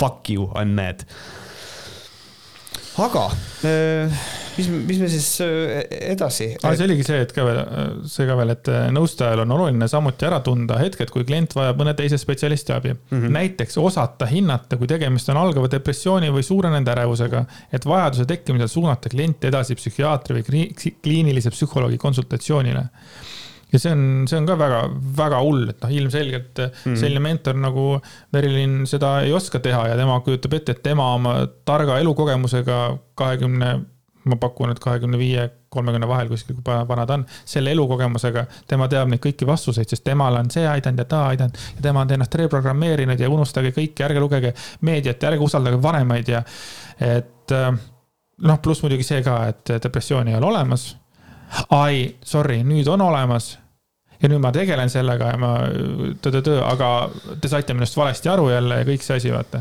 et oleneb, mis hetkel sa Borksiga räägid, siis sellist nõu sa saad. kui inimene kirjutab, Liina oleks öelnud, tal on depressioon, ütleme kaks aastat tagasi, kui see teema oli, siis Merina oleks öelnud, depressiooni ei ole olemas, on olemas ainult üks suur kurbus, mille tuleb lasta läbi vajuda. kui kurbus tuleb minu sisse, siis ma ütlen tere, kurbus ja ma lasen tal läbi vajuda ja mul on palju parem olla pärast depressiooni ei ole olemas mm. -hmm, yeah. ja siis peale artikleid te saite minust valesti aru. ei, sa ütlesid, depressiooni ei ole olemas yeah.. videod on sellest. How can you not nagu ja siis inimesed, no kui te teete porgandile liiga, kas te kunagi lõpetate selle porgandi, porgandi kallal võtmise? nojah, kui ta ütleks, et ta tegi vea. jah kui porgand lõpetab äh, nõuannete andmise või? igasugus, igasuguste destruktiivsete nõuandmed, nõuandmed, nõuanded, nõuannete jagamise, siis võib-olla lõpetame ära, jah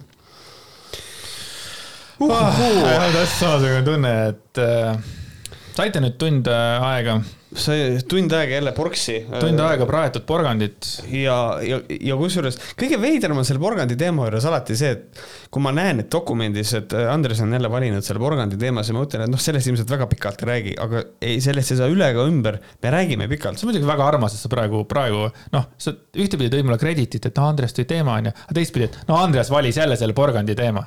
Dude no,, jaa, ei, ma saan saad aru, ma vaatan sinu striimi, sa lihtsalt hakkad Instagrami story sid vaatama ja siis sa süüdistad mind selles, et Andres tõi väga olulise artikli, mis on nagu väga oluline. muide, oota, räägi, räägi lugu, mul on üks asi, mida ma tahan öelda. et, et, et mind alati üllatab nagu see, et ikkagi tal, tema, ta on öelnud nii palju asju või ta on teinud midagi sellist, millest on endiselt nii palju rääkida, nii palju nagu ikkagi anda nagu mingisugused, nagu sa ütled, hinnanguid anname. et, et ikkagi on, on asju, millest rääkida. Ja noh, kes mind Twitteris jälgib, eks ole, see on ka näinud seda, kuidas ma olen tõmmanud üles selle mm, paljaporgandi ja vähi teema, sest paljas porgand hakkas nüüd vähki ravima. tal on, ta, ta kuulas ära paar seminari ja midagi ja nüüd ta teab kõike vähist ja nüüd preemiaporgandid saavad teada, kuidas vähki ravida. sest eelnevalt ta pakkus seda välja, et vähihaiged inimesed võiks teha äh, paastumist ja igasuguseid muid asju. ka seda ma jagasin oma Twitteris, seal nagu päris inimesed, kes selle asjaga tegelevad, olid maru vihased selle asja peale ja see oli ka üks asi, mis nagu tõmbas, ma mäletan, teema ülesse. ja ma palun mõnda ajakirjanikku, kes selle porgandi teemaga ei ole veel nagu edasi läinud, palun minge ostke premium porgand, palun äh, võtke äh, kõrvale keegi, kes äh, nagu tooks selle niinimetatud faktikontrollina selle kõik, mida see porgand ajab ja kas saaks kuidagi vastutuse selle inimesele võtta, seepärast et nüüd ta päriselt mängib eludega. ei, ta mängib kogu aeg eludega, küll oma dieeditamistega äh,, life coach imise, mentorlusega, nüüd ta ravib vähki. saate aru, ta ravib vähki. inimene, kes neli aastat tagasi postitas lihtsalt äh, bikiinipilte, ta ravib vähki, sest et ta on nüüd äh, enlightened ja mis asjad, ta on kõik valgustatud inimene, kes kuulas seminare. Kuulas kaks seminari saate ära aru, ja- inimesed õpivad aastaid ja siis tema kommenteerib nüüd selle kohta, et ei noh, seal antakse ainult moosisaia ja kuradi ongi kogu lugu ja kiiritust umbes, et umbes seda ei ole vaja ja kõik see pask onju. kohutav inimene. muide Twitteris äh, üks inimene kirjutas mu selle mingi paljaporgandi tweet'i alla oli see, et kas selle raviinfo eest raha kasseerimine kuidagi ebaseaduslik ei ole? tarbijakaitseamet, Terviseamet, au, kohvikud peavad vastama sajale nõudele, et seal üldse tass kohvi serveerida, aga sellist tasulist doktorit ei kontrolli keegi ja see oli tegelikult selle, see oligi nagu premium porgandi kohta, aga see ei ole nagu ainult premium porgandi kohta, kogu see asi ja see Õhtulehe artikkel, kuidas see Õhtulehe äh, artikkel niimoodi radari alt läbi jooksis? Sest kõik need ülejäänud, nii Anette kui ka Kertu artiklid jooksid täpselt sinna, kuhu nad pidid jooksma, nad said laia kõlapinda ja sellest räägiti mitte ainult meie, vaid ka igal pool mujal. ja see Õhtulehe artikkel, mis on väga hea artikkel ja mina küll tahaks öelda suured tänud öö, autorile, et ta selle asja ette võttis. et öö, Karolin Liis-Tamm, sa teed väga head tööd ja see on oluline teema ja ma loodan, et öö, see teema tõmmatakse üles päriselt ka fucking see asi ei saa niimoodi edasi minna, et inimene lihtsalt nagu mängib eludega. jah, et see on, et see on suhteliselt selline, et noh, ma kujutan ette, et seal on juriidikas mingisugune kuradi auk, kuskohast selle asjaga saab läbi joosta, et noh, et ta ei anna, ta ei anna päris meditsiinilist nõu ja sellist, et äh, aga mõnes mõttes noh, ma ei taha öelda mõnes mõttes, täiesti kindlas mõttes on see eludega mängimine. ja, ja türa, kui keegi veel kunagi ütleb, miks te tegelete selle mingisuguse porgandi või kala või Justini või sellega, siis ma saan aru, et pealtnäha nad tunduvad ohutud inimesed, kes on veits nagu sellised noh, aitud, onju aga teistpidi, mis damage'it nad teha võivad selles mõttes selle oma sitaga, mida nad välja ajavad, me räägime sellisest fucking audience'ist, noh. ja samamoodi praegu see Justin ja Triinu-Liis, nad lihtsalt äh, nagu noh, selles mõttes, et nad vist pääsesid sellest ära, et nad põhimõtteliselt vii-, Justin viis lihtsalt kassid põhimõtteliselt surema lihtsalt noh, see on loomade väärkohtlemine, kõik need muud asjad, mis seal kõik juurde tulevad, onju. ma ei tea, kas väärkohtlemine on õige sõna, muidugi kui need ära viiakse, on väärkohtlemine no.. selles mõttes äh, siin on keegi ütleb, no äh, äh, äh, me ei tea, kas neid väärkoheldi, aga me võime rääkida sellest, kui, kui, kui väga ebaeetilisest ja amoraalsest teost küll, nagu selles mõttes, aga noh, siis on see, et see on kõik on nii et need suhteline. teemad on väga olulised ja kes ei arva, et nad olulised on, siis äh, ma ei tea, kuule, kui olukorrast riigist räägitakse seda, mis koroonalainel on väga lahe, nad on, aga, aga selle asjaga tuleb ka tegeleda, raisk. ma praegu lihtsalt mm -hmm. hakkan õigustama ennast, sest ma, ma lähen vahepeal lähen närvi, kui keegi tuleb küll, miks sa jälle sellest porgandist räägid, miks see sinu asi on, mine räägi, ära räägi kellestki teisest siis. Jah, et see on nagu selles mõttes, et kui me räägime sellest, et mis asjad meil on ühiskonnas nagu korrast ära, kas see on poliitika või midagi, et siis kui mingi asi on ükskõik, isegi kui see on sellisel tasemel korrast ära, siis sellest on vaja rääkida, et mina leian, et see on suhteliselt eh, ohtlik, et meil on ilma hariduseta kaks seminari ära kuulanud eh, meditsiiniteadlased enda arvates, kes eh, jagavad õpetusi, kuidas oma elu elada, et see on suhteliselt, suhteliselt pro problemaatiline mm. -hmm.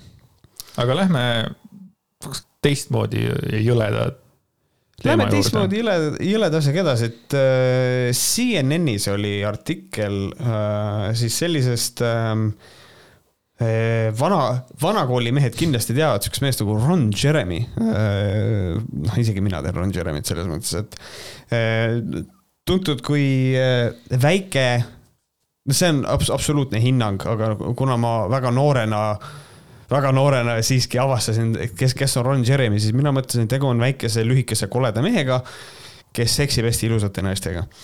ja et tegu on siis ühe pornonäitlejaga, siis kes ei saanud aru, Ron Jeremy, siis, siis, siis see mees, kes mulle tundub, et on business'is, porno business'is oli tänu sellele, et tal on silmapaistev asi, millega tööd teha ja põhimõtteliselt siis nüüd on asi läinud nii kaugele, et Ron Jeremy't on süüdistatud siis väga paljudes seksuaalkuritegudes. ja. kolmekümne neljas seksuaalrünnakus kahekümne erineva naisterahva vastu. ja seda siis viimase kahekümne kolme aasta jooksul. ja tema ohvrid on vanuses viisteist kuni viiskümmend üks. viisteist kuni viiskümmend üks, et äh, et noh, siin kohapeal võib-olla on natukene laiem teema see naiste kohtlemine pornotööstuses, kus kohas äh, naised on väga halvas positsioonis, sõltuvalt sellest äh, nagu millises selles pornotööstuse osas nad töötavad.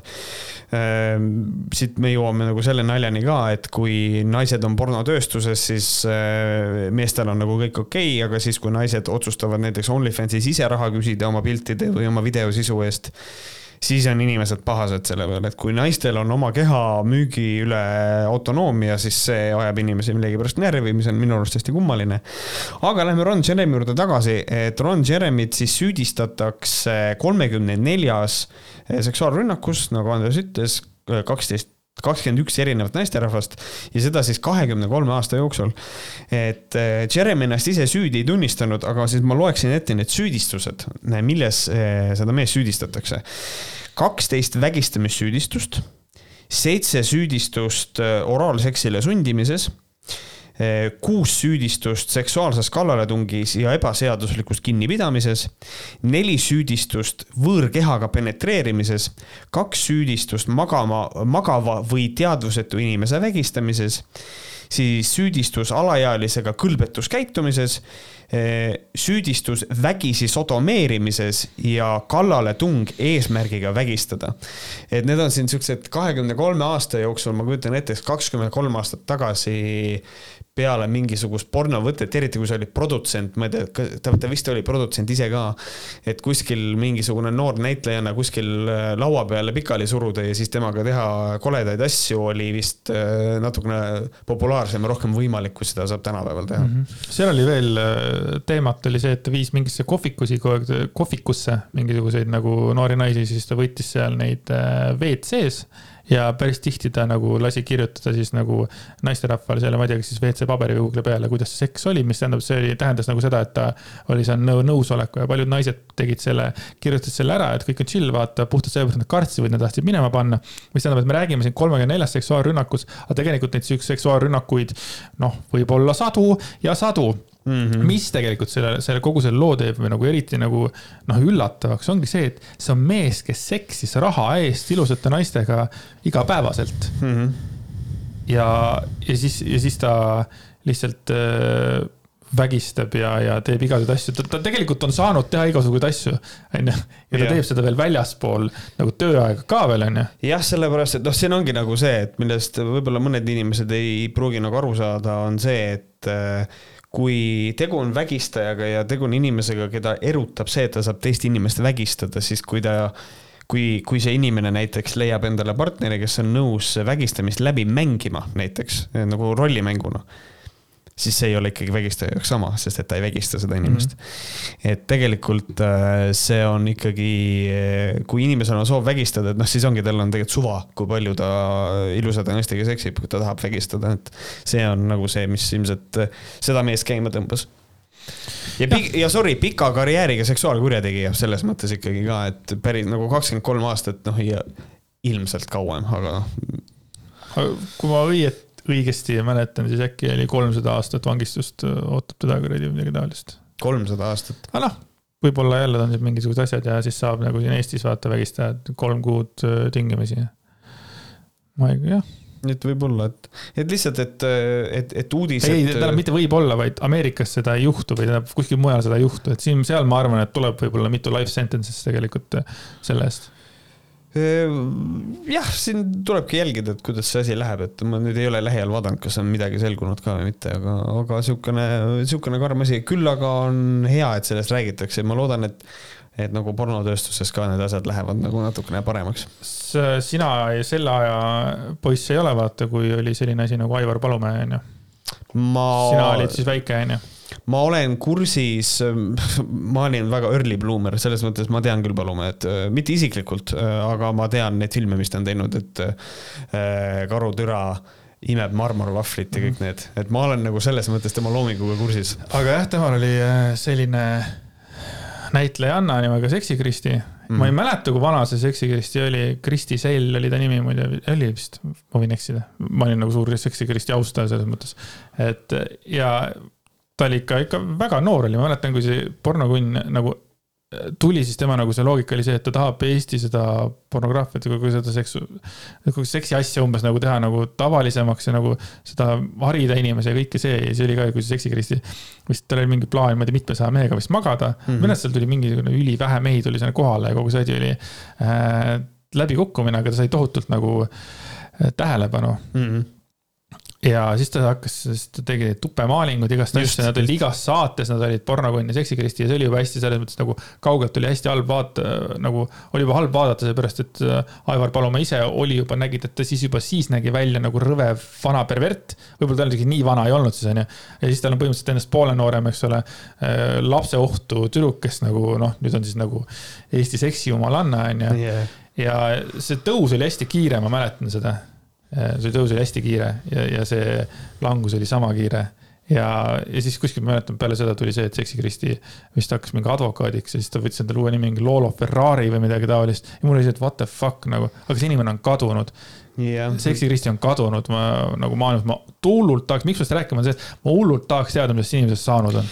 ja, kusjuures see on hästi veider, sest et ma, ma alles hiljuti rääkisin. Äh, Seksi Kristiga? Äh, ma, ma, ma temaga ei rääkinud, ma rääkisin vist oma abikaasaga seda, et huvitav, et mis on sellistest inimestest saanud et, ähm, et noh, et, et ta oli nii tuntud inimene ikkagi noh, tegelikult noh, isegi mina teadsin, kes on Seksi Kristi, et teeb mingeid, mitte siis tupemaalinguid, aga tupega maalinguid. Äh, ja mingisugune selline asi, et ma olin ise nagu noor kuli ja ma nagu mõtlesin, what the fuck is this, et mis asi see on, et äh, ma ei tea, et ta oli, ta, ta, ta figureeris ajakirjanduses kolm aastat põhimõtteliselt. Äh, ja siis lihtsalt kadus ära, et sihukene, see on huvitav, mis tast nagu.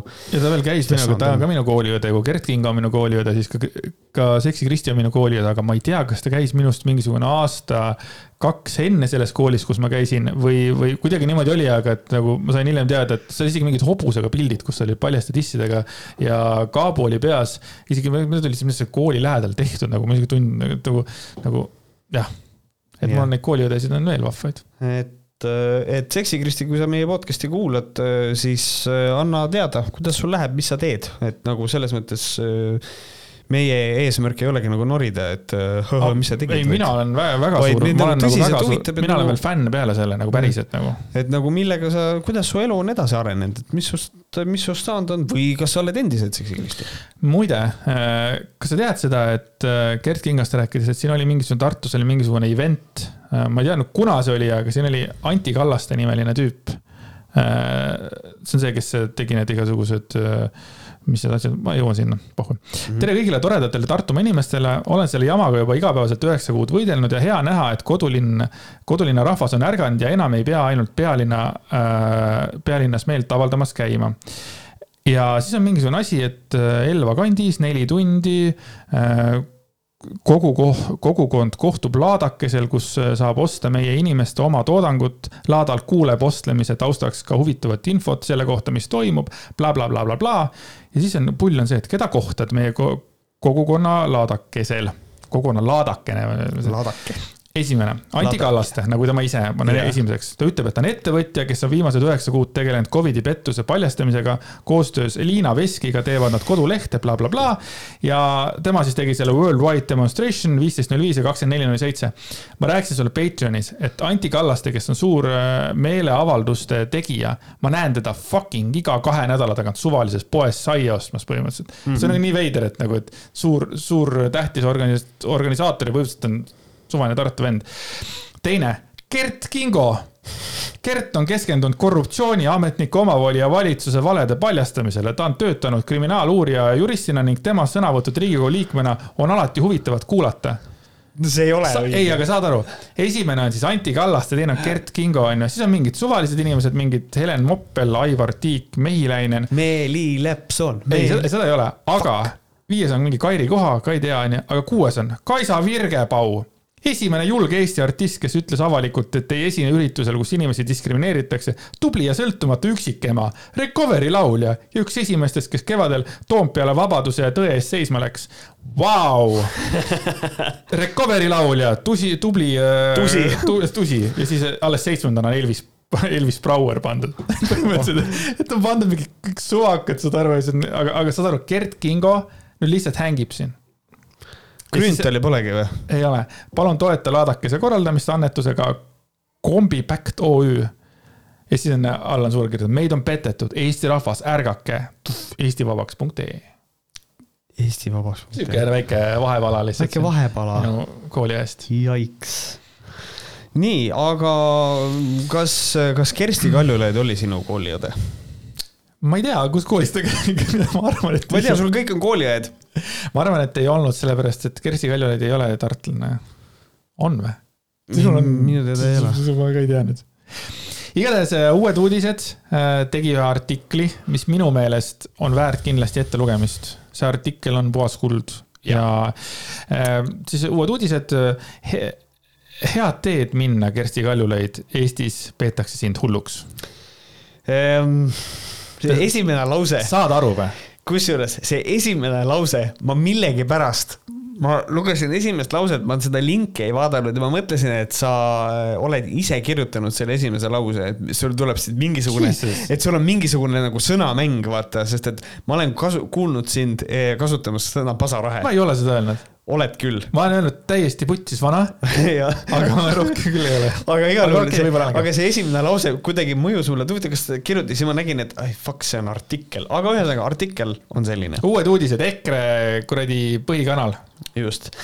Kersti Pasarahe Kaljulaid tahtis presidendina jätkata, kuid oli jõudnud viie aastaga kõikidega nii tülli minna, et peale sotside ei tulnud kellelegi isegi mõtet, et ta võiks jätkata. kas sina oled kuulnud, et Kersti on varem olnud Kersti Pasarahe Kaljulaid või? ma tean, et on, on, teda on äh, ühe pika ninaga inimesega võrreldes on pannud ka Jah. jutumärkidesse, onju. aga kas ta mõtles, kes iganes selle kirjutas, siin ei ole allkirjas, kes on. muidugi ei ole, see uued uudised, nad ei julge. aga sa paned jutumärkidesse Pasarahe. Pasarahe, ma mõtlen, kujutan, Märt Sitaviidik, Koik. sita viidik miks viidik? ma mõtlesin välja praegu. ma mõtlesin, ma mõtlesin, et sa ütled pasaogalik või midagi sellist. noh, Sita ei viidik. no,. Andreas Pasaogalik, jääger, vaheta, kust see tuleb? kus see pasarahe, see ei ole normaalne. sita viidik. kuule, okei okay., ma saan aru naljad, aga meil on piirid ka. sita viidik. mis selle viidikuga on? ma ei tea, sest ma, ma, ma ootasin mida iganes, aga ma ei oodanud sõna viidik. kas viidik on sõna üldse? ma ei tea, see häirib mind kõige rohkem, ma pean kohe vaatama. viidik, viidik. ma tegin nalja, ei saanud aru. see on nüüd äh, võib-olla siis tuleb siit välja mingisugune väga karm asi. Aivar Viidik on olemas, mitte Sita Viidik. Viidika on küla Pärnumaal. ei, see tuleb välja, et Viidika on asi, mille sa kohapeal välja mõtlesid. Sita Viidik. see kõlab nagu ma näitaksin turul äh, kuskil või avalikel üritustel, viitaksin äh, avalike nende käimlate suunas, ma olen Sita Viidik. nagu näitan, ma viitan sita peale. see on üks sõna muidu. sita Viidik on ikka üks sõna, ma arvan jah. nii, igal juhul. ühesõnaga, väide on selles, kui sa lubad, sita Viidik jätkab. et äh, Kersti Pasalahe Kaljulaid tahtis presidendina jätkata, aga läks kõigega nii tülli, et, et ei tulnud isegi kellelegi mõttesse, et ta võiks jätkata, välja arvatud sotsid siis minul on nagu see, et mina kõrvaltvaatajana ütlen seda, et tegelikult taheti lihtsalt sellist presidenti, kes oleks võimalikult suure fraktsiooni nagu arvu fraktsioonide poolt nagu heaks kiidetud, et oleks selline ühendav president. et kui keegi nüüd hakkab, sest praegusel hetkel on tegelikult ainult EKRE selles selles positsioonis, kus kohas ta võib öelda, kui meil on nüüd uus president, et ah, see president on tead see ja too ja selline ja selline ja selline, siis teistel fraktsioonidel on seda väga raske teha puhtalt sellepärast, noh, ega nad ei ole seda niikuinii teinud äh, eriti väga, et siin Isamaad ja Keskerakonnad on nagu natukene selle Kaljulaidiga nagu hõõrunud avalikult ka. aga EKRE pigem rohkem, aga nüüd ongi nagu see, et kuulge, fraktsioonid, me koos valisime kandidaadi välja, me koos valisime selle kandidaadiga ära, et nagu, mis toimub, et nagu oleme nüüd nagu, see on, see on nagu meie valisime ta. et nüüd äh, mina leian seda, et keegi ei tahtnud, muidugi ma arvan, et oli neid tahtjaid veel, aga lihtsalt poliittehnoloogia ei lubanud seda teha.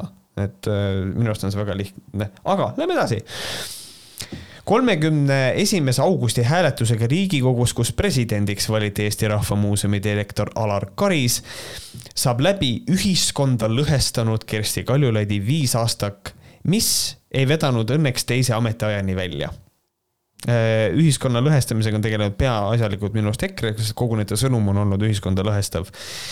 lisaks sellele ma vaatasin seda ka, kui palju on muutunud läbi aja siis igal aastal see, kui palju protsenti usaldab meie presidenti.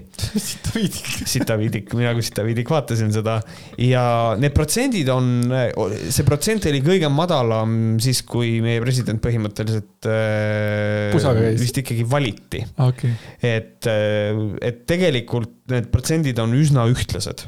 Ma mõtlesin ikka, see pusa tõmbas talle ikka kuradi. ei, see pusa oli ainult, pusa häiris ainult tradits-, väga sügavas tradi- traditsioonis elavaid sitaviidikuid, kes, kes, kes lihtsalt ei, naine on dressil bluusis, need olid need inimesed. nii, võib arvata, kuidas mõnigi liberaalglobalistlik erakond eh, tahab teda oma embusse, kuid kindlasti püüab Kaljulaid siiski suuremat kala. ehkki OECD tähtsa ametiposti konkursil läbi kukkus, on ÜRO peasekretär Antonio Guterres nimetanud Kaljulaidi kaheks aastaks eh, naiste, laste ja noorukite õiguste eestkõnelejaks. siin on reaalne vale. siin on öeldud, et kuigi ta OECD tähtsa ametiposti konkursil läbi kukkus, ta valiti seitsme inimese hulka ja siis ta ise loobus kandideerimisest. on see fakt või? ma jälle praegu Google'it. ma, mina, mina tegin oma pealiskaudse nagu äh, faktikontrolli, et kas see, ta ise ütles ära sellest et võib-olla siin keegi teab mingisugust siseinfot, et võib-olla talle öeldi, et kuule, et noh, tegelikult sul on šansid üsna väikesed ja siis ta loobub selle pealt ise. aga öelda seda, et see on läbi kukkunud, siis see tundub mulle veits niisugune narratiivi väänamine igastahes on selge see, et Kersti Kaljulaid lõpetab oma ametiaja Eestis häbistatult, sest suutis viie aasta jooksul nii ühiskonda lõhestada, ühte osa rahvast vihkama hakata, osade poliitiliste jõududega riidu minna, oma riiki välismaal solvata, kui ka erinevaid kummalisi poose võtta okei okay?, ja selliseid avaldusi teha, mis ei ole ühele presidendile kuidagi kohased. mis no,, mis poosi sa mõtled, mis, mis poosi ma Kaljulaid mõtlesin alguses, et, et siin mõeldakse noh, et on mingid ühiskondlikud poosid, mis nagu võetakse, aga siis tuled, tulles nagu selle juurde tagasi, et see on uued uudised, siis nad ikkagi vist mõtlevad päriselt poose. sest et kui ma ei eksi, siis äh, see pilt, mis on valitud äh, selle artikli päisesse, on ka selline natukene võib-olla aga, aga kirjutanud täitsa alla, vaata lõpus on, nad on võtnud, võtnud kõik, kõige selles mõttes kõige, võib-olla nende jaoks kõige koledamad Kaljulaidi pildid ja need pannud veel omakorda sinna üheksa või kümme tükki järjest. jah, jah. mis on ka nagu täiesti, et võib-olla tõesti ta võttis erilisi, erinevaid kummalisi poose ja kujuta ette, kui tookord Kaljulaidi hammaste vahel oli mustus, sest ta oli äh, sõitnud rattaga mingi nelisada miljonit kilomeetrit ja oli korralik ja Äh, tervislik äh, president on ju. ja siis Gerd Kingo möllises taga, ta on naine, kuidas ta saab endale seda lubada, et ta niisugune välja näeb mm. -hmm. ma ei tea, kuidas saab Gerd Kingo endale lubada, et ta nii loll on. Gerd Kingo oli nii loll ja äh, hiljem ta ikkagi võttis selle maha mingisuguse surve pärast umbes nagu.. jah, et teda, teda survestati ja siis see, et, et teha selliseid avaldusi, mis ei ole presidendile kohased, noh, see on lihtsalt see, et ära ütle asju, mis mulle ei meeldi, et noh, lihtsalt ideoloogiliselt ei sobi aga läheme edasi häbiga oma ametiaja lõpetanud Kersti Kaljulaid tegi oma teekonnal veel viimased meeleheitlikud sammud, kui läks Tokyo olümpiamängudele endale kampaaniat tegema. kuulutades valmidust presidendina jätkata kahekümnendal augustil, kutsus ta aga Kadriorus toimuvale taasiseseisvumispäeva vastuvõtule esmakordselt kõigi valdade ja linnade juhid, et valijameeste kogus, kui asi peaks nii kaugele jõudma, endale poolehoidu leida. ja siis mul on nagu see, miks ta ei või teha seda see on meie osa meie poliitilisest protsessist presidendi valimisel, president teeb ju ise ka endale kampaaniat, kuulge, võib-olla hääletate minu poolt. Henn Põlluaas käis bussiga, sõitis mööda Eestit üles-alla, vasakule-paremale just nimelt selle eesmärgiga, nemad mängisid sada prossa äh, ju valijameeste kogu peale. ja. mina, mina sain aru, et nad ei mänginud millegi peale, et nad äh, teadsid, et nad ei saa seda üles anda seda ja siis nad lihtsalt tegid KOV äh, valimisteks endale veits reklaami. üks asi on see, aga teine asi, et neil oleks tagataskus olemas, et juhul, kui Karist ära ei valita ja läheb valijameeste kogusse, siis neil on töö tehtud. et nagu, et nende panus oli, et kui me, kui Henn Põlluaas öö, peaks siis valijameeste kogus on töö tehtud, et selles mõttes see, see asi oli neil küll valmis, valmis mõeldud ja siis äh, ma ei tea, siit võib vahepealt natukene mm, vahele jätta, lähme selle Jaak Valge juurde kohe. Äh, riigikogu liige Jaak Valge on öelnud, et sellele mehele sobib ta nimi väga. Äh, Jaak Valge on öelnud, et Kersti Kaljulaid ei kanna neid väärtusi, mis teeksid temast kogu rahva presidendi.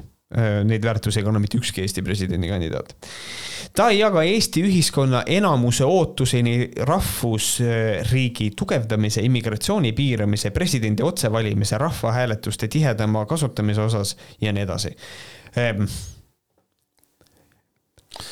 Noh, Andres on küsinud väga olulise küsimuse dokumendis, et mis statistikat kasutab härra Valge mm? -hmm ja, ja ma mõtlengi seda, et kui äh, Jaak Valge jaoks või siis nagu tema räägib Eesti ühiskonna eest et Eesti ühiskonna enamuse ootus on rahvusriigi tugevdamine, immigratsiooni piiramine, presidendi otsevalimine, rahvahääletuste tihedama kasutamine, kasutamise osas ja nii edasi. minul on näiteks äh, nagu, minul on näiteks oluline näiteks see, et, et perevägivallaga tegeletakse Mm -hmm. mulle meeldiks äh, see, kui psühholoogilise abi äh, populariseerimine toimuks ja kättesaadavus täiskasvanutel lastel oleks parem. siis ma tahaks, et Eestis saaksid inimesed haiguslehte ilma, et nad peaksid muretsema oma raha, raha pärast. siin kunagi keerati tuksi see, et mingi esimesed kolm päeva on mm, -hmm. oli vist tasuta ja siis hakkas mingi kaheksakümmend protsenti mingi asi. ma tahaks mm, -hmm. ma arvan, et see on üks oluline asi. hambaravi, hambaravi võiks olla inimestele kuidagi rohkem kompenseeritud ja, ja, ja populariseeritud ja nii edasi, eks ole. ja ja siis äh, nagu sa, sina oled seda kogu aeg öelnud, see, et, äh, et inimesed sünnitaksid palju rohkem ja et no noored kardavad lapsi saada, sellepärast mm -hmm. noh, et, et neil võiks, neid võiks nagu selles suhtes toetada. Need on nagu asjad, ma tahaks teada, milline imbetsill sa pead olema, kas mõtled, kuidas, oi, rahvusriigi on ikka vaja, immigratsioonipoliitikat on ikka vaja nagu mm, -hmm. no inimesed, ma ei tea sa mingi psühhopaat oled nagu või, see on siis nagu mm. ühis, e-, Eesti ühiskonna enamus. kui Eesti ühiskonna enamus on see, et äh, presidendi otsevalimine on top viis probleem, siis mine putsi enamus. nagu täiesti sügavalt, nagu päris asjad on, need on päris teemad, mis on nagu, mida tegelikult EKRE nagu sügavalt nagu lükkab eemale kõik need asjad, vaata. ja, ja, ja presidendi valimine, presidenti, kedagi, sorry sorry, Kaljulaid, sa oled imeline naine, aga tegelikult on täiesti ükskõik, kes on president noh, tal ei ole väga suurt mingisugust äh, võimalust, on ju, ja see, kui palju Kaljulaid tegelikult suutis ära teha ka näiteks kogu selle perevägivalla, äh, no sellest rääkimisega. väga see, silmapaistev on see. see on väga silmapaistev, see on tohutu töö, on ju. ja see neid häiribki, sellepärast et Just. presidendil oli nii palju nagu võimu justkui.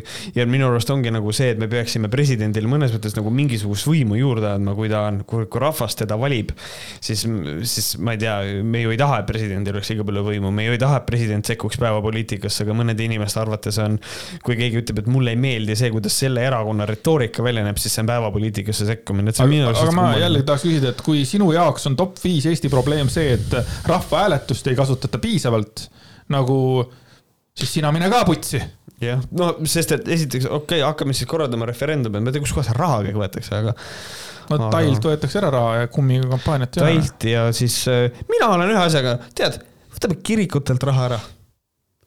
Fuck em ja kirikutelt võtame raha ära ja teeme selle eest Eestile filmipaviljoni, toetame, vot see on praegu on see suur teema sellega, et see filminduselt saadetakse raha ära võtta, mis on täiesti, täiesti haige nagu. aga, aga selle kiriku teema, vaata, sina oled propageerinud seda, et vaadake Levilat, kuulake Levilat, onju. Mhm. ma tunnistan, et ma ei jõua sellega tegeleda. kui sa selle kuskilt suudaksid nagu korralikult nagu kokku võtta, ma hea meelega kuulaksin sinu nägemust äh, kogu sellest äh, situatsioonist äh, tehke, tehke seda, ma arvan, Varro on minuga nõus, liberaalne, päriselt liberaalne asi, inimesed eh, ise maksavad oma kirikule kümnist või mida iganes nad tahavad sellele maksta ja see on see raha, millega kirikud hakkama saavad.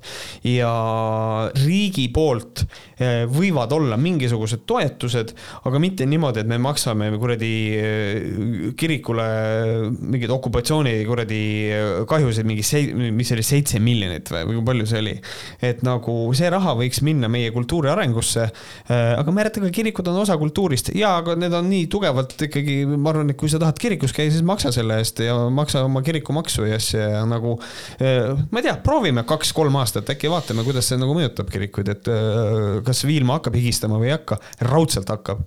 et eh, et võib-olla suunata ikkagi, võtta sealt natukene raha ära, küll ma pean, ma ei tea neid numbreid peas, kui palju kirikud seda raha saavad, aga minu arust võiks sealt ka kärpida siis juba, kui kuskilt kärpida, siis võib-olla sealt et ähm, nüüd, Varro ilmselt juba kirjutab mingit blogipostitust endale, oh shit, igipull on otsa ees, sellepärast et rünna, rünnatakse Jumalat jälle, sellepärast et Jumal, kuigi ta on kõikvõimas, can't fucking handle money for some reason.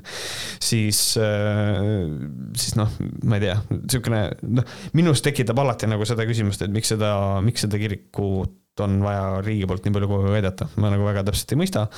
aga, aga samas ma olen ka selles mõttes priviligeeritud inimene, et ma tõesti, mul ei ole sidet Jumalaga ja et noh, et ma ei käi temaga väga hästi läbi, et.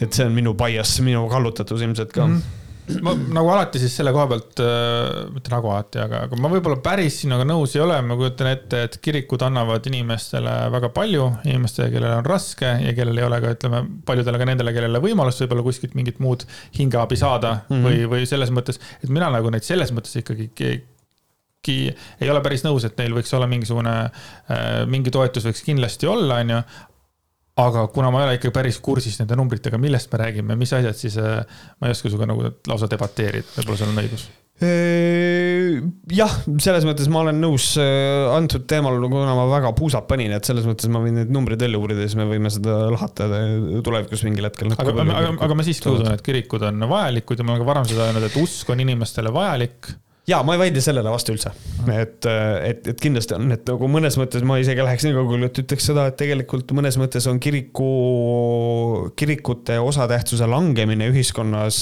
eh, tekitanud olukorra, kus rohkem inimesed on üksikud või pigem üksildased.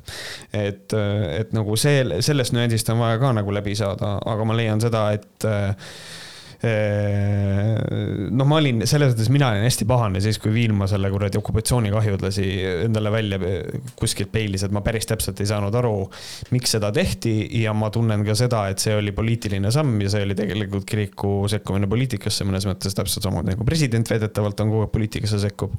aga see on niisugune hell teema praegu, et, et sellest võime kunagi hiljem rääkida mm. -hmm aga mis nagu, lähme nüüd selle Jaak Valge juurde tagasi, mees, kellele väga hästi sobib teie nimi, siis ta ütleb siin, et Eesti, ta räägib e-, sellest enamusest, et ta on siin välja ka toonud seda, et vähe sellest, et neid ühiskonna enamuse väärtusi ei jaga, ta ei ole suutnud sellest üle olla ning end positsioneerida Eesti kui terviku presidendina, edendades varjamatult vaid ühe ning väiksema ühe ühiskonna osa eelistusi ehk siis äh, ta väidab seda, et kõik selline vasakliberaalne asi on, äh, on hästi väikse protsendi asi, mida aetakse ja tal on jube hea seda väita, sest et seda ei ole võimalik tõestada.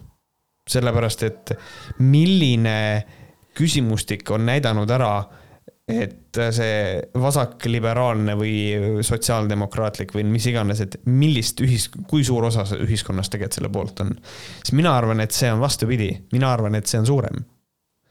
aga ma ei, mul ei ole elu sees neid neid mune nagu, nagu sellel valgel on kaks äh, neoonvalget munajalga vahel ripuvad suured pirakad, et, et julgeda öelda, et see on väiksem osa on need vasakliberaalsed, ma ei, ma ei usu seda mm. ja üldse see ka, et seega ei ole ta, seega ei ole ta täita ühiskonna, oota, seega ei ole ta täita ühiskonna ühendaja rolli, seega okei okay., vaid on ühiskonda lõhestanud, see on ka vana niisugune kõlks, mida nagu kõik mm -hmm. EKRE-iidid äh, kasutavad kogu aeg, onju aga kui ma hakkaks jälle seda ühiskonna ühendajat nagu mõtleks selle peale, no jälle, mida see nagu tähendab ja, ja võtame jälle mingid oma eelnevad inimesed on ju, et äh, kas keegi on nagu mingi ühendanud inimesi, ma ei tea, kui Arnold Rüütel oli seal, kas ta ühendas meid kuidagi, minu arust eestlase, eestlane kogu aeg ei, ei, ei salli mingeid teisi eestlasi vahepeal või mis mhm. iganes, et nagu noh, kuidas sa nagu ühendad, me ei saa nagunii olla kõik nagu käest kinni nagu mingisugused vahvad, et nüüd ongi, igalühel ongi oma mingisugune arusaam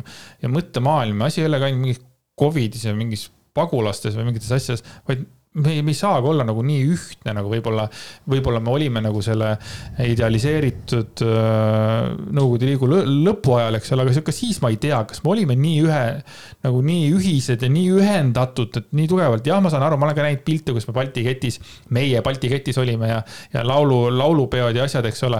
aga see on ikkagi ka mingisugune osa rahvast ju. kindlasti on olnud mingi ja. osa või mingisugune väga suur osa rahvast on nagu nii, et opositsioonis, kes ei ole rahul sellega, mis parasjagu toimub, kes ja samamoodi Eestis on ju häbi olla rikas noh, võtame kasvõi selle, Eesti on häbi olla rikas ja kui on olemas üks rikas inimene, siis juba inimesed vihkavad teda ju, et nagu kuidas, kuidas see president peaks ühendama, kas äh, härra Karis, eks ole, vaata kui pull on, me teeme saadet ja me siin alles mainisime seda mingi tund kolmekümne juures, et president valiti Eestile ära, vaata mm. -hmm. on vägevad vennad selles suhtes. aga et kuidas see nagu välja näeb, kas nüüd me siis näeme, kas Karis võib olla siis see, kes ühendab siis kõik punkarid ja, ja homoseksuaalid ja natsid ja Märt Koik ja mingid sitaviidikad ja kõik kokku või?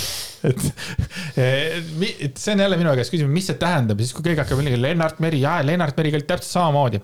kui, kui Lennart Meri hakkas rääkima aastavahetusel oma seda kõnet, onju, ma panin kinni ma ei viitsi kuulata seda. Lennart Meri on tagantjärgi kakskümmend, kolmkümmend aastat hiljem räägitakse, et see on õige lennutadu. ongi, no selles mõttes, et jaa, ta ongi nagu see, tema oli Eesti esimene, selles mõttes taas Eesti esimene president. oleks olnud võib-olla Kersti Kaljulaid, siis me nagu paneksime tema järgi siis seda nagu piiri paika selles mõttes. ma saan aru, Lennart Meri oli inimestele armas, aga aga huvitav, et seda juttu räägivad nagu need inimesed, kes isegi ei mäleta nagu Lennart Merit nagu selles mõttes yeah. seda, sellest nagu kui mina lapsena, ma ütlen, et Lennart Meri on äge, aga mina lapsena panin iga kord kinni või vahetasin, panin RTV või EVTV kahe peale, kui hakkas äh, Lennart Meri rääkima, sest ma surin ära igavusse.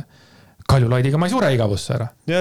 vanem ka. ise ära minu arvates, kui ta rääkima hakkas juba, et on, aga võib-olla tahavadki, eestlased tahavadki, et oleks president, kes räägiks aeglaselt ja mõtleks oma sõnade üle kogu aeg järgi. Niimoodi hästi ilusti, sihuke. Okei okay,, aga noh, ma olen seda enne öelnud ja ma ütlen seda uuesti, et mina leian seda, et see Lennart Meri on praegusel hetkel väga tugevalt ka üle, üle romantiseeritud president, et selles mõttes, et eh, ja me peame arvestama sellega ka, et president on alati oma ajastu kontekstis, et, eh, et Meri, kas ta praegusel hetkel oleks sama hea president, me ei tea seda, me, me ei saa seda lihtsalt eeldada.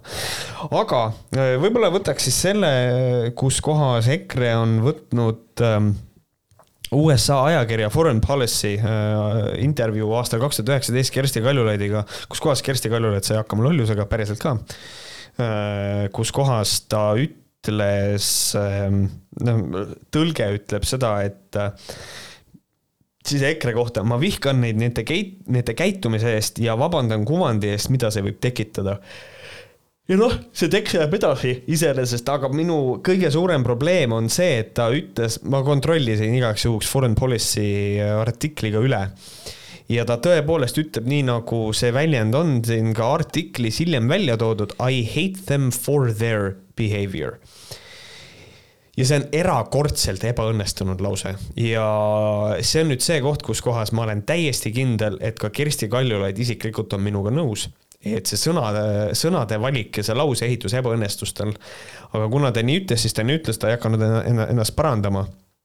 aga ta ei oleks tohtinud öelda I hate them for their behavior, aga I hate the way they behave ehk siis viidata sellele, et sa vihkad nende käitumist.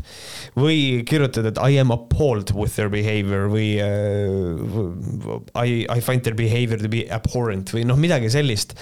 et, et viidata, et see asi, mis sulle üldse ei meeldi, ei ole mitte EKRE ega need inimesed vaid see, kuidas nad käituvad ja selles kukkus äh, Kaljulaid ämbrisse, et ta ütles I hate them. mis tähendab, et need äh, segased äh, üle neljakümne aastased valged mehed ajasidki Kaljulaidi lõpuks nii kaugele, et ta libastus, sest nad panid ju hullu tollel ajal. Nad ja. tegid igasuguseid asju, alates sellest, et Soome peaminister on kuradi mingi müügi, müüjatüdruk müüja ja, ja siis oli see, järjest nad panid järjest, järjest Helme pani igasugust sitta lihtsalt nagu jah, isegi ei mäleta, kumb Helme, suur oli..., paks, vana vist. Helme on üks asi. paks ütlesin, aga see vana Helme selles mõttes. vana Helme.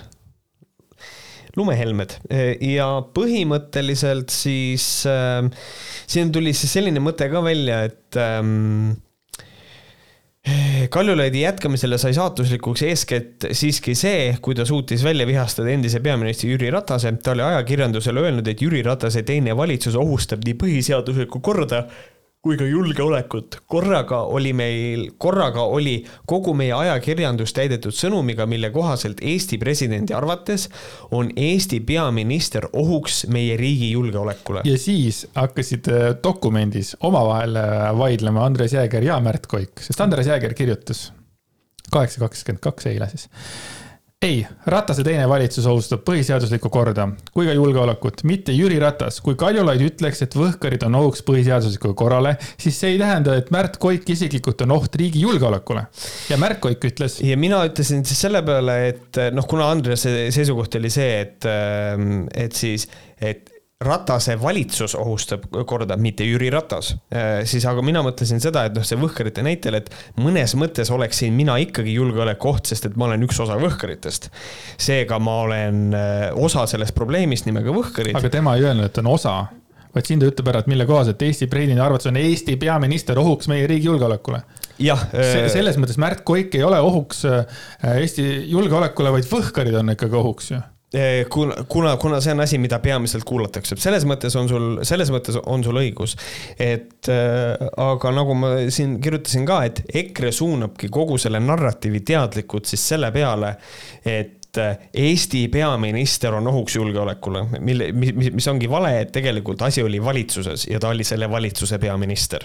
et siis selles mõttes ma olen sinuga tegelikult nõus, et selle rõhuasetus on tegelikult vildakas aga EKRE on väga efektiivne oma, see oma narratiivis alati. ja noh, ja siis muidugi tuleb lõpp, mitte lõpus, aga siis tuleb ikkagi see ära, et aga Kaljulaid sai lollusega hakkama juba valitsuse ametisse astumise hetkel, kui ilmus Riigikogu saali pusaga, millel kirjas sõna on vaba ning lahkus perevägivallast süüdistusminister Marti Kuusiku ametivendade ajaks saalist, käitudes sel moel nagu ülesköetud naisterahvas türa lõpetage see pusa asi ära. saad aru, jälle oli Ardo Aspergi fucking bitt oli see Kersti Kaljulaidist onju. saad aru, konservatiivid, ta tuli pusaga, jah, teil on fucking sada üks äh, Riigikogu liiget, kes po pooled, paljud on pätid, paljud on kaabakad, paljud, ma ei tea, mis asjad on, misoküüri, mingid asjad. ja türa te räägite sellest fucking pusa.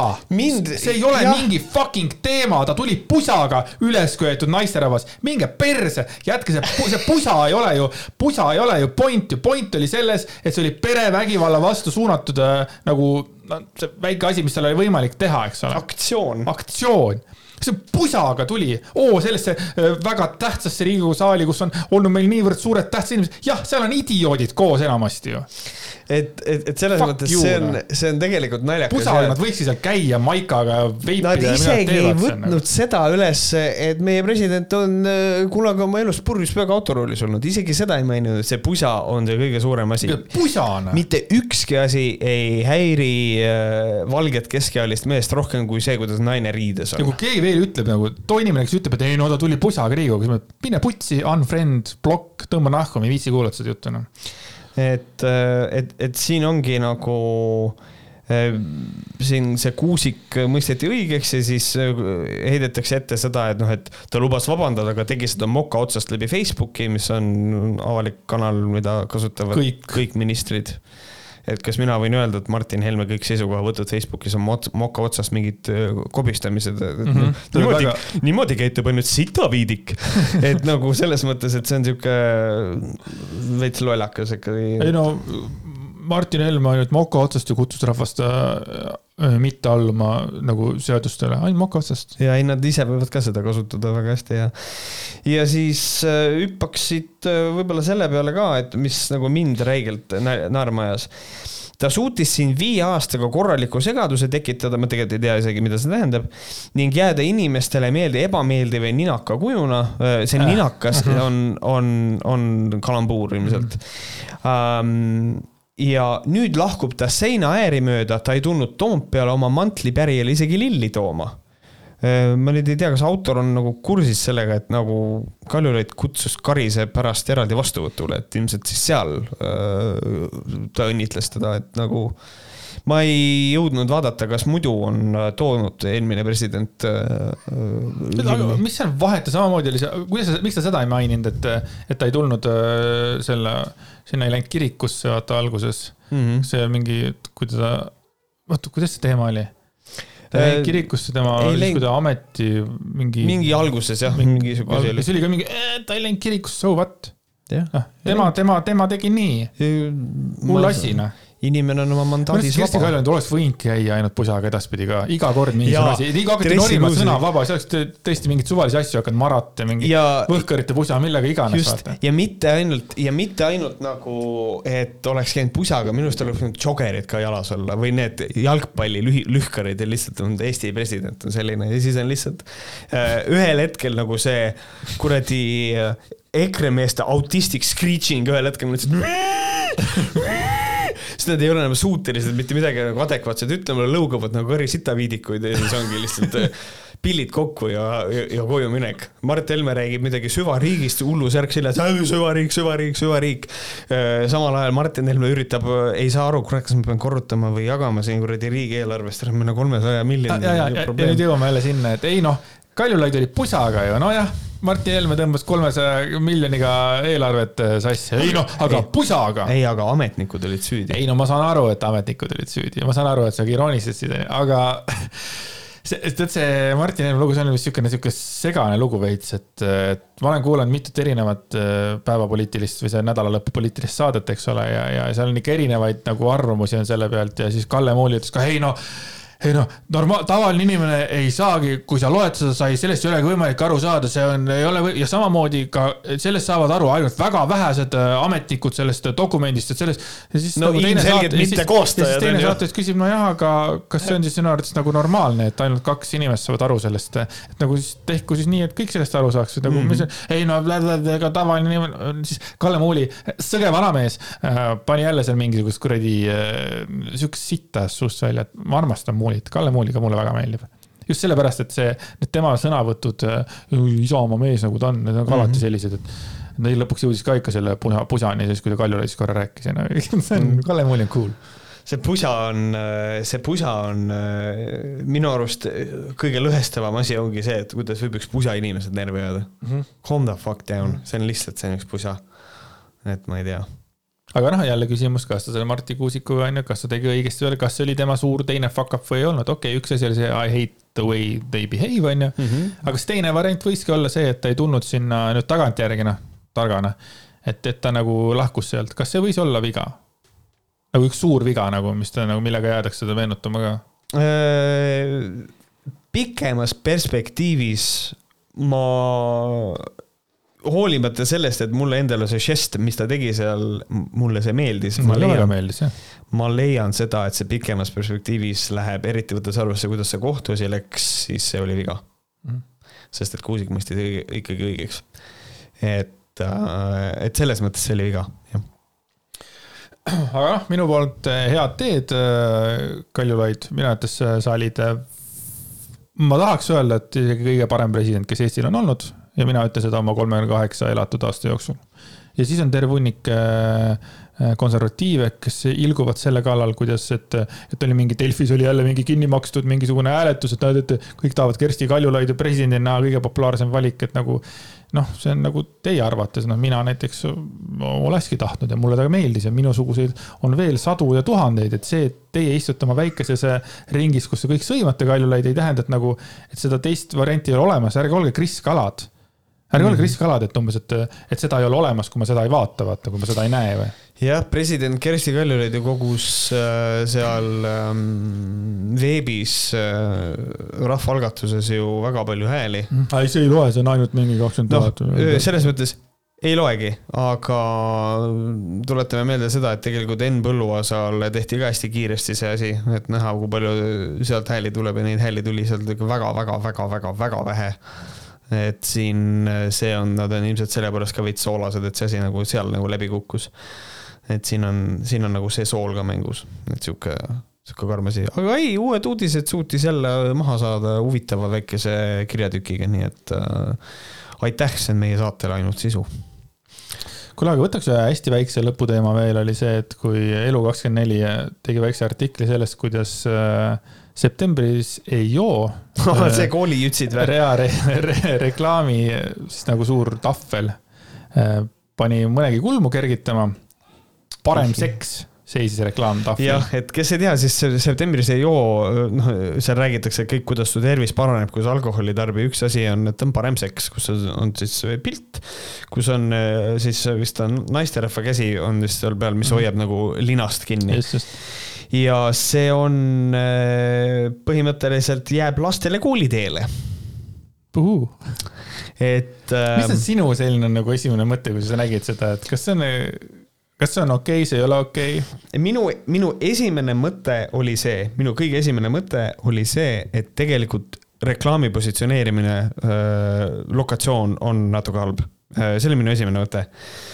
teise asjana ma hakkasin mõtlema selle peale, et noh, koolides ka käivad, ma nüüd ei saanud aru, kas seal on, kui, kas see oli põhikool, kas seal oli. ei, siin on kirjas, et vaata äh,. Antsla gümnaasiumi ja Gümnaasium. muusikakooli vaheline ala vast jõuab sihtrühmani, naljatas postitaja, noored ka ju sihtgrupp, kes tegelevad mõlemaga, no sinna alla ilguti vaata selle üle. et nagu tegelikult, aga seal on ka tõetera sees, et nagu selles mõttes seal on noored, kes ka nagu, et võib-olla see paneb noori ka selle peale mõtlema, et kui me nagu niikuinii seksime, siis äkki ei jooks, sest et siis on seks parem. et nagu mõnes mõttes ma saan sellest aru, aga, aga ma olen suhteliselt kahe vahel, et nagu selles mõttes ma olen pigem ma ei ole kahe vahel, ma olen niimoodi kuuskümmend, nelikümmend, ma olen kuuskümmend protsenti nagu selle poolt, et noh, tegelikult kaini peaga on seks parem, et võib-olla see on okei. Okay., aga ma olen nagu nelikümmend protsenti selle poolt ka, et nagu tegelikult selle reklaami äh, nagu lokatsioon ei ole nagu päris õige aga.... ma, ma olen sinuga selles mõttes päri, aga võib-olla mina tõstaks isegi kaheksakümmend, kakskümmend selleks, et äh, minu arvates see on väga õige koht, kuhu panna see, et, äh, et septembris ei joo ja seks on parem, eks ole, et eh, mis siis, mis siis on, oh my god, teeme näo, et ta ei ole. pane selle ära. teeme näo, et ta ei ole seal gümnaasiumi juures, vaid ta on siis nagu põhikooli juures mm. -hmm. no, no mis siis on, kas laps nägi sõna seks või? no siis äkki oleks võinud siis eh, selle seksuaalkasvatuse lõpuks sisse tuua ja nagu tead, teavad ka lapsed, millest räägitakse või millest see, miks see sõna seks on probleem miks parem seks äh, on nagu siis nagu halb asi nagu selles mõttes, et, üks, ma ütlen, ükskõik kui väike jutt sa oled ju, las no, paneb kihistama mõne väikse lapse, so what, aga mm -hmm. üldiselt septembris joo, parem seks. võib-olla see jääb eluks ajaks meelde jah, võib-olla küll ja noh, siin on nagu see, et ma saan aru, et sellised konservatiivsematel inimestel on probleem sellega, et nagu seks kui äh, äh kui kontseptsioon, siis ei tohiks laste teadvusesse jõuda, muidugi nüüd, mis vanusesse võiks jõuda, seda ma ei tea et nagu ma mõnes mõttes saan aru, kus, kus kohas ka nagu see pahameel nagu võib tulla, aga mõnes mõttes nagu siiski mina leian seda, et seks on normaalne elu osa, mida, millest peavad lapsed ka teadlikud olema. ja ma olen kuulnud ka selle septembris ei joo üle veits nagu ilkumist nagu, et äh, miks septembris ja miks noh, olen kuulnud äh, ja ja siis siin augustis ka, ka võtame natuke veinikest ja värki ja siis ma ütlesin üks päev naisele, et tead, et ma vist septembris ei, ei joo ma võtan praegu korraks hoo maha, eks ole, et, et liiga, liiga palju on seda viimase seda pokaal veinikest õhtul, eks ole, et ma lihtsalt ei joo. ja otsustasin, et ma septembris ei joo, mis tähendab, et aastatepikkune töö septembris ei joo, ka minul toimis see, kui ma mm mõtlesin seal mingi augusti lõpus hm,, ma septembris ei joo. ma olen, I m a simple man ja see, see toimis minu peal aga miks ei peaks toimuma ka see, kui on seal kirjas septembris joo, parem seks hmm,, parem seks. jah, see ongi noh, selles mõttes, miks just september, aga milline kuu see parem on, nagu nimeta see parem kuu ja ütle, miks see on parem kui september, et mm. nagu see on, see, seda ma võin iga kuu kohta seda küsida, et nagu kui meil on mingisugune sotsiaalne programm, mida me tahame teha või mingisugune sihuke üleskutse inimestele, me seostame selle ühe kuuga, siis me valime lihtsalt ühe kuu. aga huvitav, kas see on ikkagi seotud nagu rohkem selle, et lapsed käivad jälle koolis ja et kohe alguses, et nagu elimineerida need äh, roolijoodikud kohe siis septembri alguses, kui rohkem ütse on tee peal ja nad ei ole veel harjunud tee peal olema, võib-olla on ka veel värsked lapsed seal. selles mõttes, et äkki septembris ei joo, kas see läheb kuidagi sellega siis kokku või? Äh, ta võib minna, aga ma ei julge kindlalt väita, et see sellepärast tehtud on. Äh, ja ka kasutegur võib-olla, ma ei tea, aga, aga see on võimalik muidugi, jah. vot, sa ka ei joo septembris? ma ei joo üldse. sa, jaa, aga sa ikkagi, no sa ei saa öelda, et sa ei joo üldse. no ma ei joo no,. sa, no, sa jah. ikkagi, tegelikult sa ikkagi, no kolme kuu tagant ikkagi võtad ühe väikse mingisuguse asja ikka. ja ei, ma vahest õhtuti joon Bailey'st ja, ja, ja, ja seda, aga ma ütlen seda et, et üheksakümmend üheksa protsenti hetkedes, kus kohas mind on näha päevasel ajal kuskil, siis ma olen alati kaine ja et äh, ma üldiselt väga vähe tarbin ja ma see puhtalt selle tarbimise pealt võin öelda seda, et ma sellest kampaaniast osa ei võta, sellepärast et äh, kui ma joon äh, korra, korra kuus õhtul klaasi peilist ja see on, ma ei tea, viieteistkümnenda septembri õhtul ja kui ma kuueteistkümnenda septembri hommikul olen uuesti kaine, siis ma põhimõtteliselt ei joo ka septembris, ma ei tea, et nagu selles mõttes äh, mina nagu sellest teadlikult osa ei võta mm, -hmm. ei. ei, no kui sa, kui sa ei tunne, et sul on vaja seda, siis see ongi mm, -hmm. see ongi nagu õige. aga noh, see on ka üsnagi kindel tegelikult, et ikkagi kui mingi asi jääb tegemata, siis see mingi hetk tuleb kahekordselt tagasi, seda ma olen näinud oma elus näiteks, äh, kui ma võistlusteks olen valmistunud, kui mingid asjad jäävad söömata siis noh, mingi hetk, et süüakse tagasi kahekordselt, et selles mm -hmm. mõttes, et, et ma loodan, et septembris ei joo ja oktoobris joon kahekordselt. et see päris, päris nii ei lähe, vaata. jah, ja siinkohal siis äh, niimoodi natukene ironiseerides tahaks meelde tuletada äh, siis inimesele, kellega ma olen ka paar korda kohtunud, ikkagi Karl-Erik Taukar, et Karl-Erik, et ära siis alkoholivaba õlut ka joo, muidu Krista Lensin on see peal pahane jälle. kas see oli Krista Lensin, kes talle peale lendas, et tõi alkoholivaba õlut? ei, Marianne Ubaleht oli Ubarest või? kas, kas see oli Marianne või? vot selle teemal ma tahan. Marianne Ugaleht ja Karl-Erik Taukar, sealt tuli nende mis õige sõna on, see ei ole isegi nagu. Beef. Beef, ja beef, beef on päris hea põhimõtteliselt. minu, aga seal päris oli. diss track'e ei tehtud, aga kaugel asi ei olnud. seal oli. Dissident track, dissident, ahahah. jah, et, et minu jaoks, ma nagu mäletan, et minu arust Krista Lensin oli ka sinna kuidagi seotud. Krista Lensin ütles ka seal mingi sõna selle kohta, aga üldiselt jah, et eh, septembris ei joo ei ole minu arust mitte kunagi niivõrd avalikule, et vaadake mind, ma ei joo, vaid see on see, et ära sina joo. et see on pigem individuaalselt minu arust väga tähtis ja kui eh, Karl-Erik Taukar tahab, talle meeldib õllemaitse, aga ta ei, ta ei joo alkoholi, mis on kogu selle see eesmärk, siis ma leian, et alkoholivaba õlut võib juua küll, et see on niisugune see on, see on niisugune asi, nii, aga äh, Marianne Ubaleht cancelled äh,, mis, mis veel, võib-olla teeme, tõmbame saate kokku mm. -hmm. et võhkarid.gmail.com just, võhkarid at gmail.com äh, siis ja nüüd tuleb see õõn kuus. õõn kuus. õõn kuus ja patreon.com kaldkriips vohkarid. et äh, see on siis meie Patreon, kus teil on ligipääs ekstra saadetele, äh, mida me, mida me teeme teie jaoks, patroonide jaoks saated on vähemalt sama head kui see tänane ja ma ei tea, rohkem infot antud hetkel vist jagada polegi peale selle, et äh, pange endale kalendrisse kirja, guugeldage, Aparaadio festival, et noh, ilmselt oleme seal ka, et et siis saate, saate meid ka silmast silma näha seal. aga ma arvan, et see on kokkuvõtteks ilus. Andreas, ütle üks mõttetera ja siis tõmbame saatele joone alla. Sitaviidik. sitt, sitaviidik. suur aitäh teile, tšau, tšau..